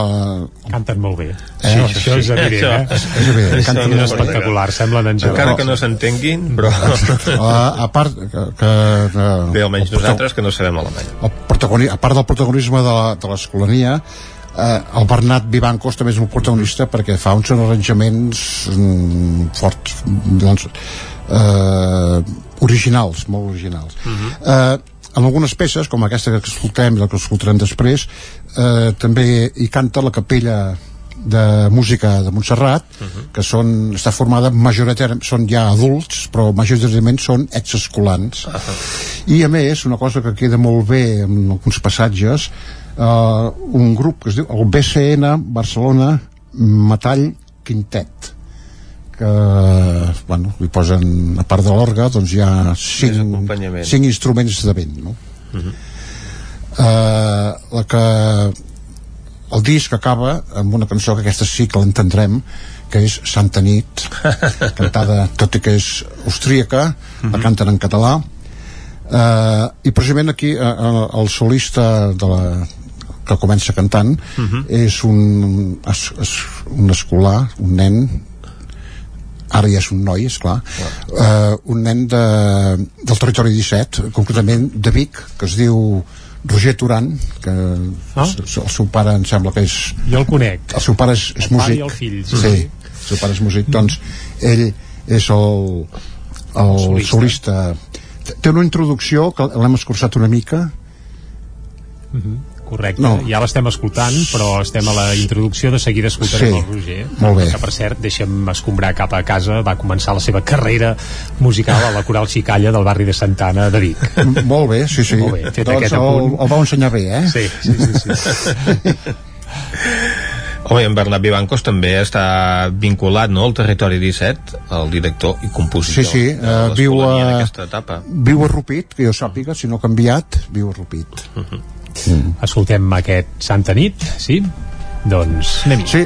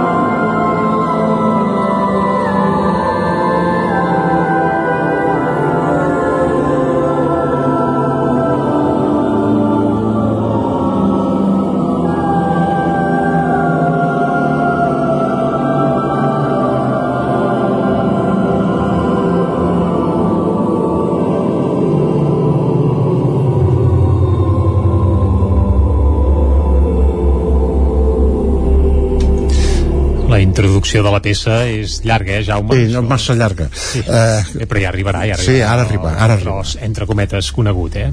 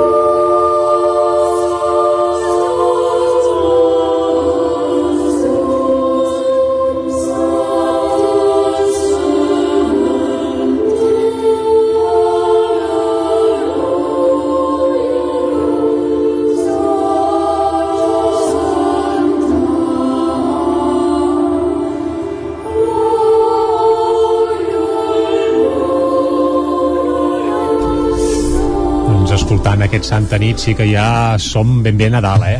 Sí, sí, Nadal, és, exacte. És que ja, ja està, ja hi som, capbussats. Uh, amb les veus de l'escolania de Montserrat, també, és un privilegi. Exacte, sí, sí. Uh, Doncs- Jaume, fins l'any vinent, no? Fins l'any que ve. Mm -hmm. Ostres. Esperen que sigui millor que aquest. Uh, bé, Això esperem tots. Uh, esperem-ho, esperem-ho, esperem-ho. Uh, uh, I per desitjar-lo com cal, a uh, Escolania de Montserrat, eh? Molt bé. I amb aquest disco In Montibus Santis, oi que sí? Sí, In Montibus Santis. Una molt bona proposta per escoltar aquestes dates de Nadal, i tant que sí. N'escoltem un fragment més i tornarem a dos quarts en punt aquí a Territori 17. Gràcies, Jaume, bon any. Bon any. Nou. Adéu.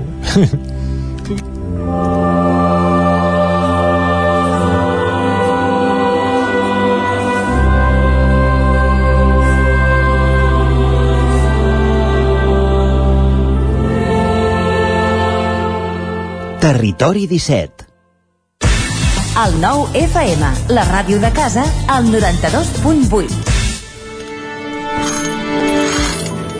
L'Auditori Teatre de Calldetenes presenta Poesia de Nadal amb Toni Sobirana. El 20 de desembre a dos quarts de sis, Poesia de Nadal a l'Auditori Teatre de Calldetenes. Tens 20.000 motius per comprar centelles i és que aquest Nadal repartim 20.000 euros en vals i premis. Només has de demanar la targeta de participació a qualsevol establiment comercial i de serveis de centelles i segellar quatre establiments diferents. Aquest Nadal comprar centelles té premi. Més informació a centelles.cat. Cocodril Club. Si t'agrada la bona música dels anys 60, 70 i 80, escolta el 9 FM als matins de dissabtes i diumenges d'11 a 1.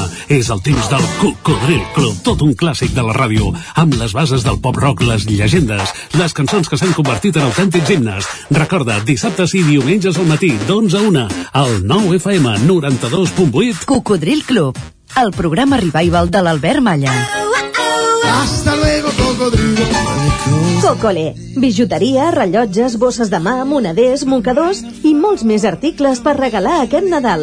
Passeja per la nostra botiga i trobaràs marques com P de Paola, Olivia Barton, Mishki i les Georgets, entre moltes altres. Vine a Cocole, t'encantarà.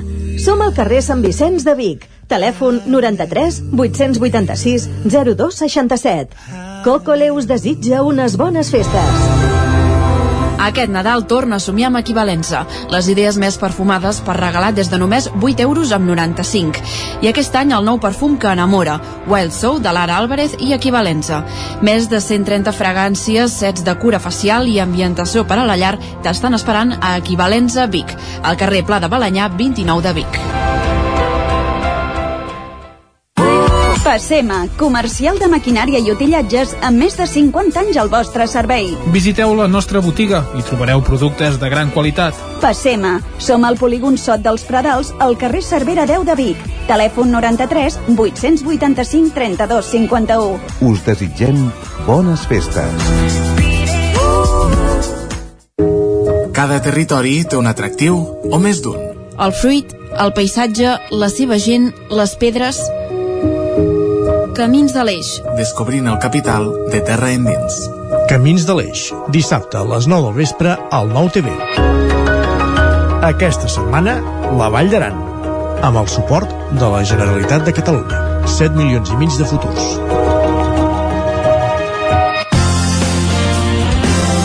El 9 FM, la ràdio de casa, al 92.8.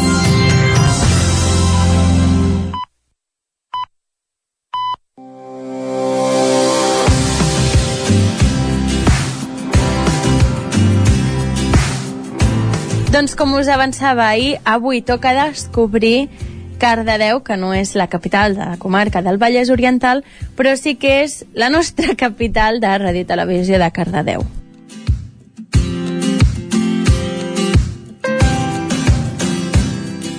I per conèixer bé el municipi ho farem a través de la ruta modernista que ofereix el Museu Arxiu Tomàs Balvei. La ruta, de fet, comença aquí, al museu.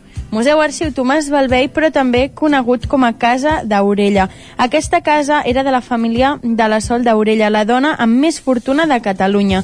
Al 1951, els d'Aurella, que eren fabricants de refrescos, van aconseguir la distribució de la Coca-Cola. El 1973 van cedir la casa d'estiueig a l'Ajuntament amb l'única condició que fos destinada a finalitats culturals i no polítiques, i és per això que avui dia és el Museu de la Vila. Però, de fet, la Casa d'Aurella no és l'única vinculació de Cardedeu amb les begudes. A Cardedeu també es troba la casa de Marc Viader Bas, pare de Joan Viader, qui va patentar el cacaulat.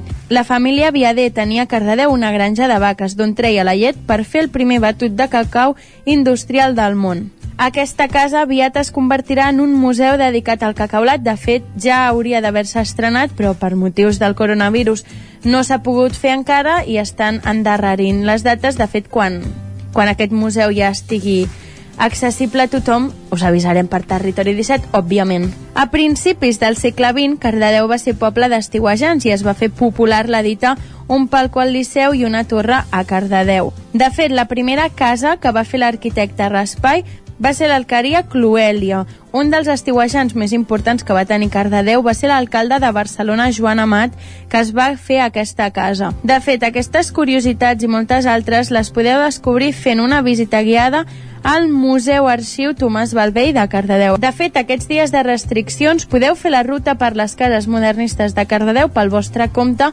amb l'aplicació Adventure Q. Al Museu de Cardedeu, a la seva web, hi trobareu el codi per activar la visita guiada, que té àudios amb explicacions i a més us proposa un joc familiar de preguntes. Hi ha dos jocs o guies disponibles. El que recorre les cases modernistes és el dels enigmes de Cardedeu.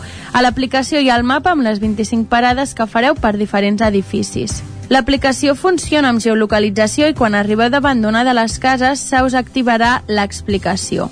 I a cada parada hi ha una pregunta per respondre en família que haureu de descobrir observant els elements de la façana. Si encerteu totes les preguntes, tindreu alguns obsequis i obtindreu les lletres del personatge misteriós que haureu de descobrir al museu. Per exemple, un dos per un en cerveses Sant Jordi, una cerveseria artesanal d'aquí del municipi.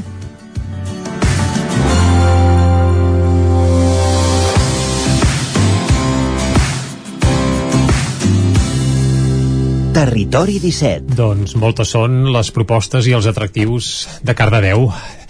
Uh, llàstima que sigui el Vallès Oriental, Vicenç. Sí, I no els que som d'Osona, doncs, uh, fins uh, ben passat festes, fins a l'11 de gener, com a mínim, en principi cadascú s'ha de quedar a la seva comarca. Perquè n'hi anant a peu, no? No podem anar a comarques contigües. En principi, no sé, la lletra petita de, del, vaja, de les noves mesures que s'han dit avui, si form, vaja, no, no crec que hi fos, No, eh, això. no, no. Uh, en tot cas, un municipi veí potser sí, encara que Exacte. sigui d'una altra comarca, però bé, en el teu cas i el meu em sembla que ho Ho tindríem tenim molt malament. complicat, però ens ho apuntem a la llista.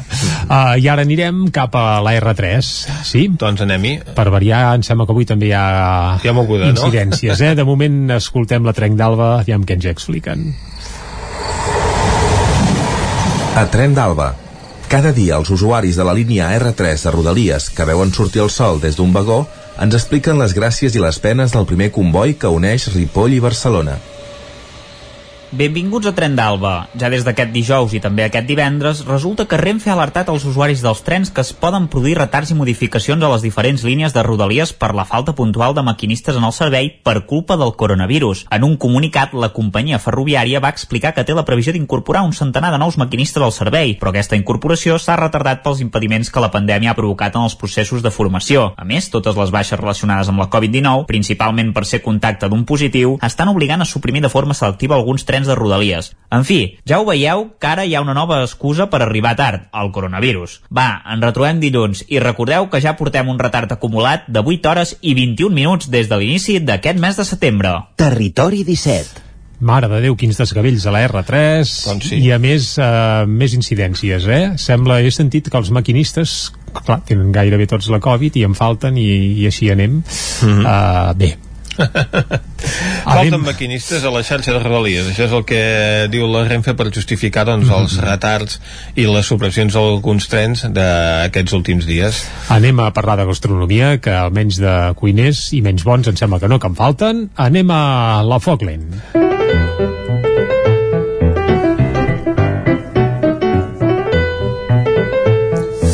I a la Foc Lent d'avui ens acostarem cap a Caldes de Montbui i és que hi ha un restaurant que està entre els quatre negocis de restauració del Vallès Oriental que han rebut l'etiqueta Big Gourmand.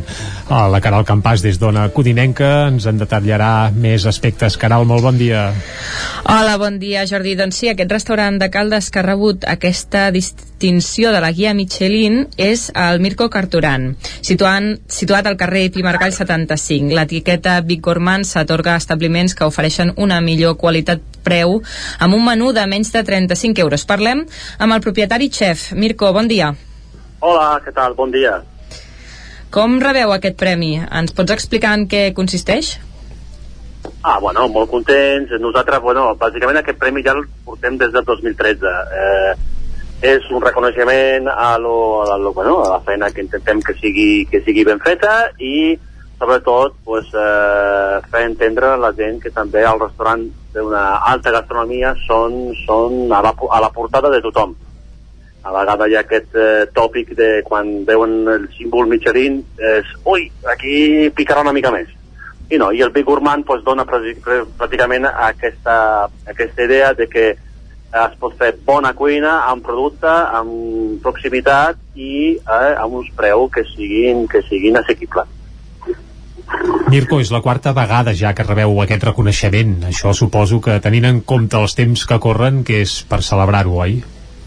Sí, sí, aquest any, eh, anys, anys horribles, no?, eh, per oblidar, i clar, sempre que et donin un reconeixement eh, sempre és bo pel negoci, sempre és bo per, per, per fins i tot per la moral, la moral de, de, del, del, eh, del personal.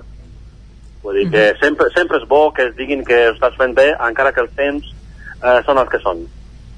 Uh -huh. Ets italià, vas arribar aquí fa més de 20 anys. Com et vas iniciar en el món de la gastronomia? Ai, això, això és per, per fer un llibre. Jo vaig eh, començar quan tenia doncs, en l'any 85, 84, 85, eh, bueno, eh, en, aquel, en la nostra època eh, entrar dintre de la gastronomia i ser cuiner o cambrer era perquè eh, tenies una mica de, com dir, era una mica de fracàs escolar, no? Eh, ser cuiner no era, no era molt ben vist. I jo, pues, un dia, l'últim any de, de, d'escola obligatòria, pues, ens van donar un, un librito d'aquest que digui, mira, formació professional, perquè si no vols estudiar, arribar a la universitat o sigui, pues, que aprenguis una professió i vaig obrir aquell llibrito, va sortir la foto d'un cuiner i vaig dir, doncs pues mira, eh, em poso i, faré, i seré cuiner. Així de fàcil, carai. Així de fàcil. Uh -huh. És que a vegades, a vegades és, difícil, és difícil que ho entenguin o s'ho creguin, però ha sigut així. Uh -huh. I 30 i pico anys després, doncs aquí estic. Aquí estic, a Caldes de Montbui. I pel que fa al local, quin, quin és una mica el recorregut? Quan va obrir en, a Caldes? Nosaltres vam obrir al 2005. Vull dir que portem 15 anys, a l'abril del, del 2005, justament al Sant Jordi, el dia de Sant Jordi del 2005 i bueno, en l'abril farem ja 16 anys i, i bé, per què vam obrir a Caldes? Eh, bueno, jo després de tants anys eh, treballant a Barcelona els últims 5-7 anys ja vivia a Caldes i vaig veure que considerava, sota la meva modèstia, que no hi havia una oferta gastronòmica una mica més uh, atrevida, no? una mica més... Eh, hi ha una bona oferta gastronòmica a tot el Vallès, era molt de masies, molt d'aquest tipus de brasa i tal. I llavors vam, vam dir, bueno, obrim aquí perquè, perquè considerem com Julio César, no? Perquè ser segon de Roma i mm -hmm. no podem ser primer en Gàlia. I quin tipus de gastronomia oferiu? Té reminiscències italianes pel teu origen? Uh, molt poca. I tu, uh -huh. mira, has d'entendre que jo quan uh, vaig acabar la formació professional eh, tenia, eh, bàsicament, mira, per fetge concreta, al maig del 86 vaig, vaig fer 16 anys i, uh -huh. i al juny vaig marxar cap a Anglaterra. Uh, vull dir, i, des, i a partir d'aquí no he tornat mai més. He estat a França, he estat a, Anglaterra mateixa, vaig vindre aquí a Barcelona, uh -huh. vull dir, tinc, tinc, hi ha, hi ha un poso italià perquè, claro, la, la madre pàtria no, no, no, no s'oblida mai, no? Uh -huh. Però jo sóc més ciutadà, ciutadà del món. Eh, m'agrada molt eh, reflexar el que és eh, la zona on visc. Llavors, fem coses que tenen un recordatori italià, però molt poques. Nosaltres som, som de Caldes de, de, de Montbui, som del Vallès i mm, volem eh, respectar el que és la nostra zona i treballem treballem eh, a, a aquest producte que és d'aquí. Vaja, que a la cuina es nota que sou, que sou de Caldes. I per cert, a Catalunya, eh, bé, has voltat i ja ens has comentat, eh, Itàlia, Regne Unit i molts altres indrets, però a Catalunya, per exemple, vas estar aprenent al costat de, del Carles Gaig, per exemple. Sí, vam estar, sí, claro, jo vaig dir, Carles Gas el tinc com un gran referent. Eh, dintre de tota la meva tra- trajectòria gastronòmica, eh, tinc, tinc uns referents, uns puntals, un és el Savoy Hotel eh, de Londres i l'altre, un, de- un altre és un gran cuiner italià que va obrir un restaurant a Londres, eh, que era Gualtiero Marchesi, i després aquí a Catalunya pues, el meu referent és el Carlos Gaig, que vaig estar amb ell uns 5 anys, allà al barri d'Horta. I, i El bueno, local- i a veure, sí. lo, perdona, Digues, eh, digues. però eh, eh, el Carlos Gaig eh, en la meva època era el referent de la cuina catalana mm, de, de pozo, de tradició, però amb un toc modern. I el Carles ha sapigut i fer aquest, aquest, aquesta fórmula de poder, de poder arribar a posar al dia, a modernitzar la nostra, la nostra cuina catalana. I per tant, la cuina que oferiu vosaltres també és avantguardista i mo- moderna, vaja. Sí, sí, nosaltres, pues claro, eh, respectem la tradició, respectem eh, l'entorn, respectem el producte, però clar, volem donar un, un toc modern, vull dir que, que això és impepinable, vull dir que no, no, les cassoles, la, tot això ens agrada, però ens agrada que també el client gaudeixi a partir de, la, de, de, de, la, de, de, de, que és de cop d'ull, no? Quan ve, vegi el plat estigui treballat i, i, i ben presentat. Uh, Mirko, ja per, per anar acabant, però ens agradaria que, que això, per tancar la foc lent d'avui, que ens expliquessis ràpidament, uh, per exemple, la recepta que et van veure explicar fa poc a la televisió de Catalunya, concretament al Tot, al Tot es mou, que crec que era un magret d'ànec amb crema de torró, que això sona molt bé de cara a aquestes dates de Nadal. Sí, sí, sí, Ah, bueno, us explicaré. Explica'ns-ho, va, perquè així, Mira, si algú des de eh, casa s'hi atreveix, que s'hi pugui llançar. eh, Sí, l'última recepta nadalenca que hem fet, justament, eh, Lluís Marquines va, va comentar, escolta, fes-me un plat nadalenc, entre cometa, però que sigui fàcil, que sigui fàcil, perquè a vegades sempre estem aquí eh, pensant els canelons, els estofats i, i, l'escudella, i això està molt bé, i, però són moltes hores i molt treball. Què pot ser algun plat que sigui fàcil però que sorprengui? Llavors vam fer, vam fer un magret d'ànec que, si ho heu vist en la secció, pues, eh, dura exactament 10 minuts. Eh, és un magret d'ànec que ho marquem, lo- marcar vol dir, eh, li fem una petita incisió, el que és la part del greix, ho posem una paella calenta i ho deixem cuinar només per la part del greix. Exactament, depenent del tipus de, de cocció que volem, poc feta, molt feta o al punt, entre 7 i 10 minuts. Una vegada que això està fet, traiem el magret de- d'ànec, ho deixem reposat, que ja ha agafat aquest- aquest color eh, marronós, aquella crosteta que ens agrada molt de les carns, i a la mateixa paella, que encara està calent, li posarem una bona ceba, una mitja ceba de figuera, eh, que és més dolça, ben picadeta, ho deixem eh, sofregir, res, 30 segons, li afegim un boví negre, eh, que és eh, un bon Montsant, si pot ser, o un Pererès, que tingui una mica de cosa, reduïm tot això gairebé fins al final, quan quedi com si fos gairebé com un caramel, eh? no, no, que no arribi a això, però que la bombolleta que estagi fent a la sartén ja sigui, ja sigui ben grossudeta, i a partir d'aquí, per lligar tot, posarem torró de xixona, aquest torró tou que, que ens agrada, sobretot al nano, agrada molt, però li posem una quantitat, una quantitat que diguem que no sigui massa, que no ens sobrepassi, perquè si no al final estarem menjant un torró amb, amb, amb ànec, eh?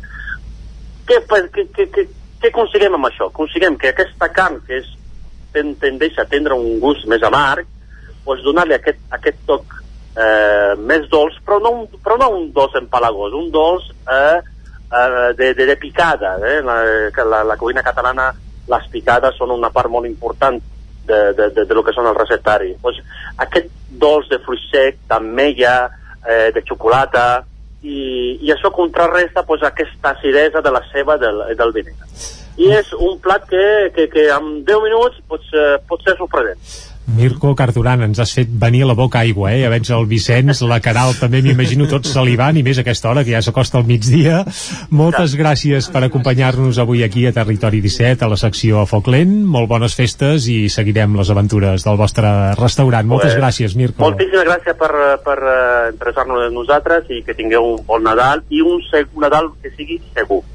Això, sobretot segur, i esperem eh, bé que les mesures sanitàries que es respectin i que de cara a l'any vinent anem a millor, que segurament que tots plegats, restauradors, els primers, eh, és el que tenim més ganes, de recuperar mica en mica una mica la normalitat. Moltes gràcies, Mirko, I per acompanyar-nos. Gràcies. Gràcies. Adéu, bona festa. Adéu. Tanquem la foc lent i Vicenç ens capbussem a l'agenda del cap de setmana.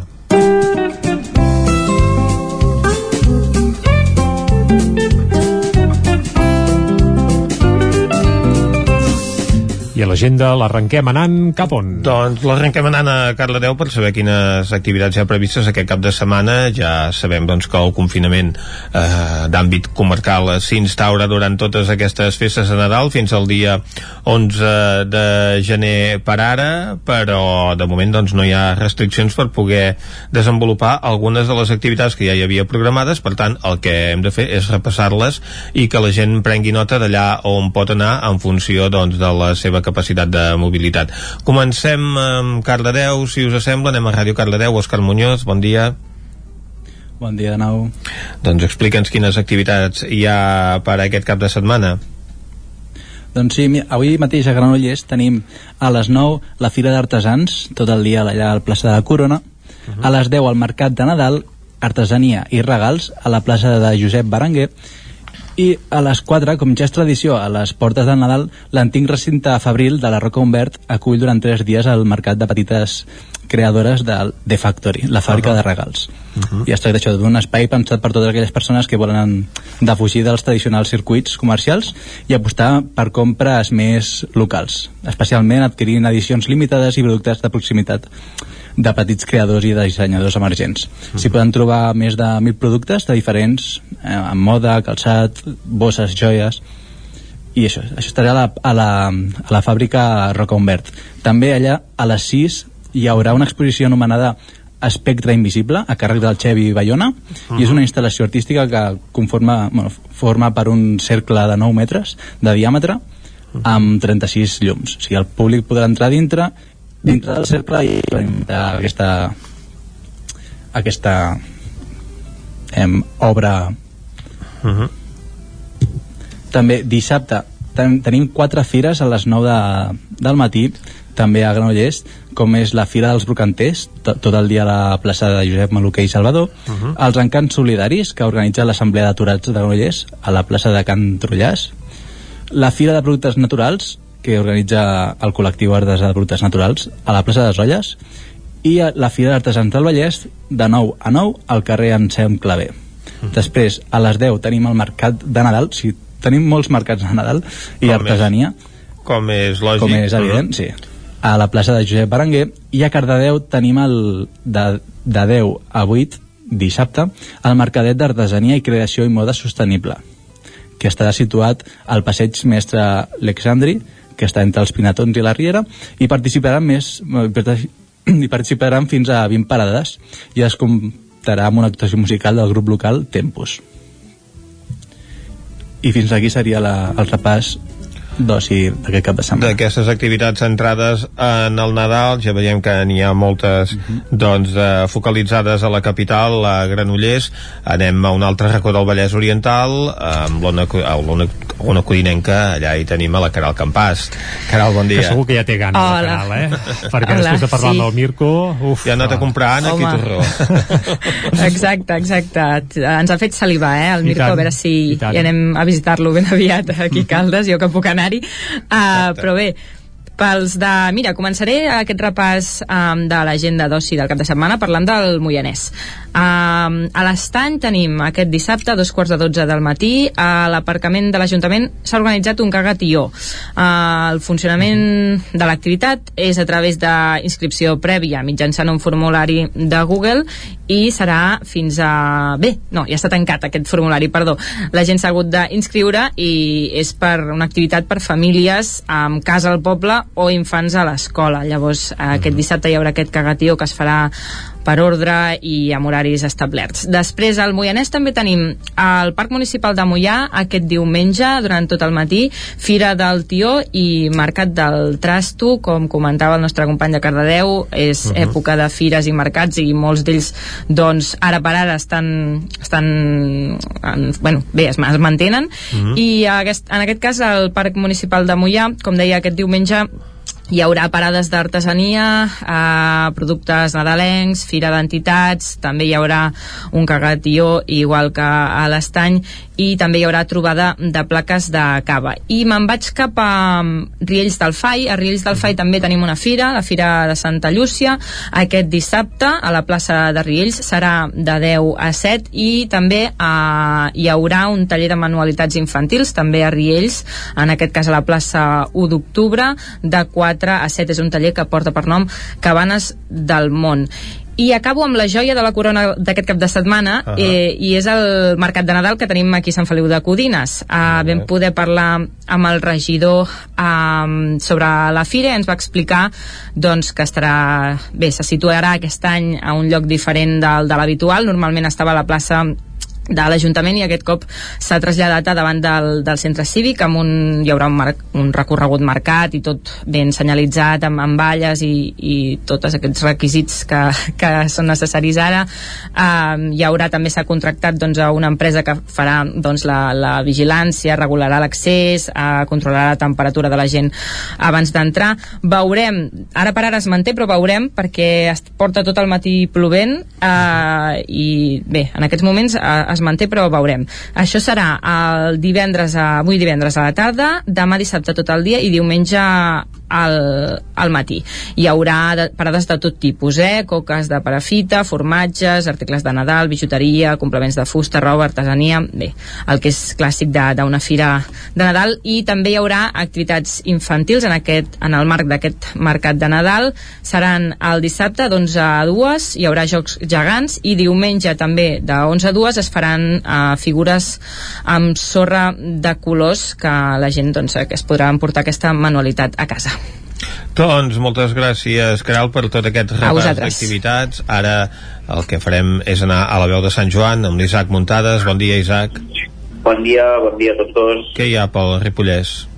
Mireu, jo us porto dues activitats, uh, uh -huh. evidentment aquest que és el Nadal uh, ho, ho ocupa tot i diguéssim que us parlaré de, de dos cagations que es faran, uh, com ara parlava també la Caral, que també se'n faria un, doncs aquí al Ripollès tampoc és que tinguem massa activitats, que tenim aquests dos cagations, per exemple, avui mateix a, a Ripoll es farà aquest cagatió popular uh, i no només es farà avui, sinó que es podrà repetir el pròxim dimarts. L'activitat és té una durada de 3 hores, de 5 a 8 de la tarda, a l'església de, de Sant Pere. Mm -hmm. Això sí, per assistir és molt important, cal reservar hora a, ripoll.cat, a la pàgina web de, de l'Ajuntament.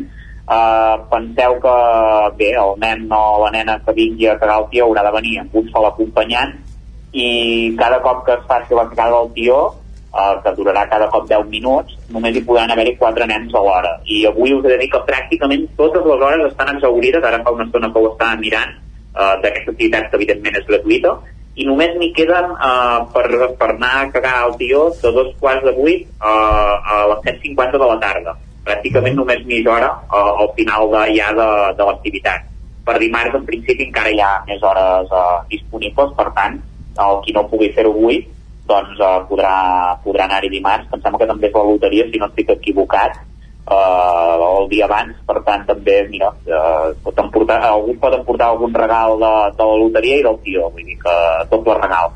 I després eh, una altra activitat de fer el tio també es farà a Can Bànol eh, per exemple aquest dissabte a les 5 de la tarda a la plaça de la dansa i també hi haurà totes les mesures de seguretat doncs, eh, per la Covid-19 allà a més a més hi haurà un tio inflable gegant uh, bastant curiós, on els nens hi podran entrar uh, de dos en dos, sempre que siguin de la mateixa bombolla. Si no són de la mateixa bombolla, doncs evidentment ja, ja han d'entrar-hi uh, totalment sols per evitar doncs, uh, contagis. Per tant, aquestes serien una mica les activitats nadalenques aquí uh, al Ripollès. Molt bé, doncs aquestes són les activitats que hi ha pels propers dies al Ripollès. Gràcies, Isaac. I ara nosaltres anem a saber quines seran les activitats pels propers dies a la comarca d'Osona, amb alguna activitat, Miquel R, centrada ja en avui mateix, com hem parlat avui a l'informatiu. Molt bones. Uh, us portaria, diguéssim, una activitat eh, turística prou potent. Avui, uh -huh. aquest divendres, s'inaugura aquí a Vic l'anomenat Vic.0. Uh -huh. És aquest projecte de difusió turística i cultural centrat a, a la Pietat i sobretot a la, a la capella Font de la Pietat, que s'ha remodelat totalment. Aquí s'hi projectarà un audiovisual, es podrà fer una visita a totes les instal·lacions de la, de la Pietat, amb una exposició també que s'estrena aquest divendres a l'entorn de les pintures cremades de Cert l'any 36, uh -huh. i que, ja dic, que culminarà amb la pujada del campionat i la projecció d'un audiovisual molt potent. Això s'inaugura avui, però per la gent, eh, diguéssim, de, de Vic i comarca, en, en aquests moments amb, amb l'àmbit uh -huh. perimetral que ens podem moure... Bé, fins a l'11 de gener, eh? Correcte. Fins... Per tant, uh, sí, sí, això durarà uns Correcte, dies. tenim dies encara 10 de gener, fins al 10 de gener tenim la possibilitat d'això, amb cita prèvia, apuntar-nos-hi amb grups petits de, de 10 persones, es munten unes jornades de portes obertes que funcionaran matí i tarda, tots aquests dies excepte els estrictes de festa, per tant us animo a, a participar-hi i apuntar-vos-hi perquè la veritat és que és un recorregut molt potent, una projecció molt potent i jo diria que és un dels projectes així de, de difusió turística i cultural de la ciutat més potents que s'han fet a, a, als últims anys. Per tant, proposta així de caràcter turístic i cultural per, per un pilot de dies. Com a proposta específica pel cap de setmana també eh, estàvem patint fins a última hora si se suspendrien les fires, si no se suspendrien es manté el Toca Fusta Torelló és la segona edició, una fira dedicada al joc i a la joguina de fusta. Per tant, eh, en els temps que corren eh, que imperen, diguéssim videoconsoles aquí i allà també està bé tornar, diguéssim a, a l'essència del joc de, i a la joguina. Això, la, la, la fira es distribueix en diferents espais. Hi ha per exemple el taller de construcció de joguines a la plaça Nova, hi ha la ludoteca i taller de fusteria creativa eh, que, que es munta a les places de la Vila i Coll de Dorca eh, hi haurà també campanya de recollides de joïnes solidàries a la plaça Rectoria per tant es tracta de, de córrer una mica pel centre de Torelló i imbuir-se d'aquesta fira toca fusta. I d'aquesta indústria tradicional de la Vall del Gès. Correcte, molt vinculada amb tota aquesta, eh, amb aquesta indústria. I el que sí que no es podrà viure aquest any, i ens haurem de conformar mirant un curt, eh, o, sí, un curtmetratge, un format curtmetratge pròpiament, és la baixada de teies del Castell de Gurb, que ha anat agafant embranzida aquests últims anys. Això a partir de, de les 9 del vespre de dissabte es podrà veure pel canal de YouTube de l'Ajuntament, però ja es va gravant les imatges i per tant promet ser espectacular, però no es podrà viure en directe. Doncs no es podrà viure en directe com tantes altres coses que haurem de viure de forma confinada en aquests propers dies de Nadal. Ara és l'hora de posar el punt i final al territori 17 d'aquest divendres. Un territori 17 que hem fet. Natàlia Peix, Òscar Muñoz, Caral Campàs, David Auladell, Isaac Muntades, Pepa Costa, Jordi Vilarrodà, Dolors Altarriba, Esther Rovira, Jaume Espuny, Clàudia Dinarès, Miquel R, Jordi Sunyer i Vicenç Vigues. Tornarem nosaltres dilluns i també dimarts. Dimarts serà el darrer territori 17 de convencional de l'any però tornarem, eh? Exacte. Nosaltres eh, hi tornem dilluns i tornem l'any que ve. Adéu-siau. Territori 17 un magazín del nou FM. La veu de Sant Joan, Ona Codinenca i Ràdio Cardedeu amb el suport de la xarxa. El nou FM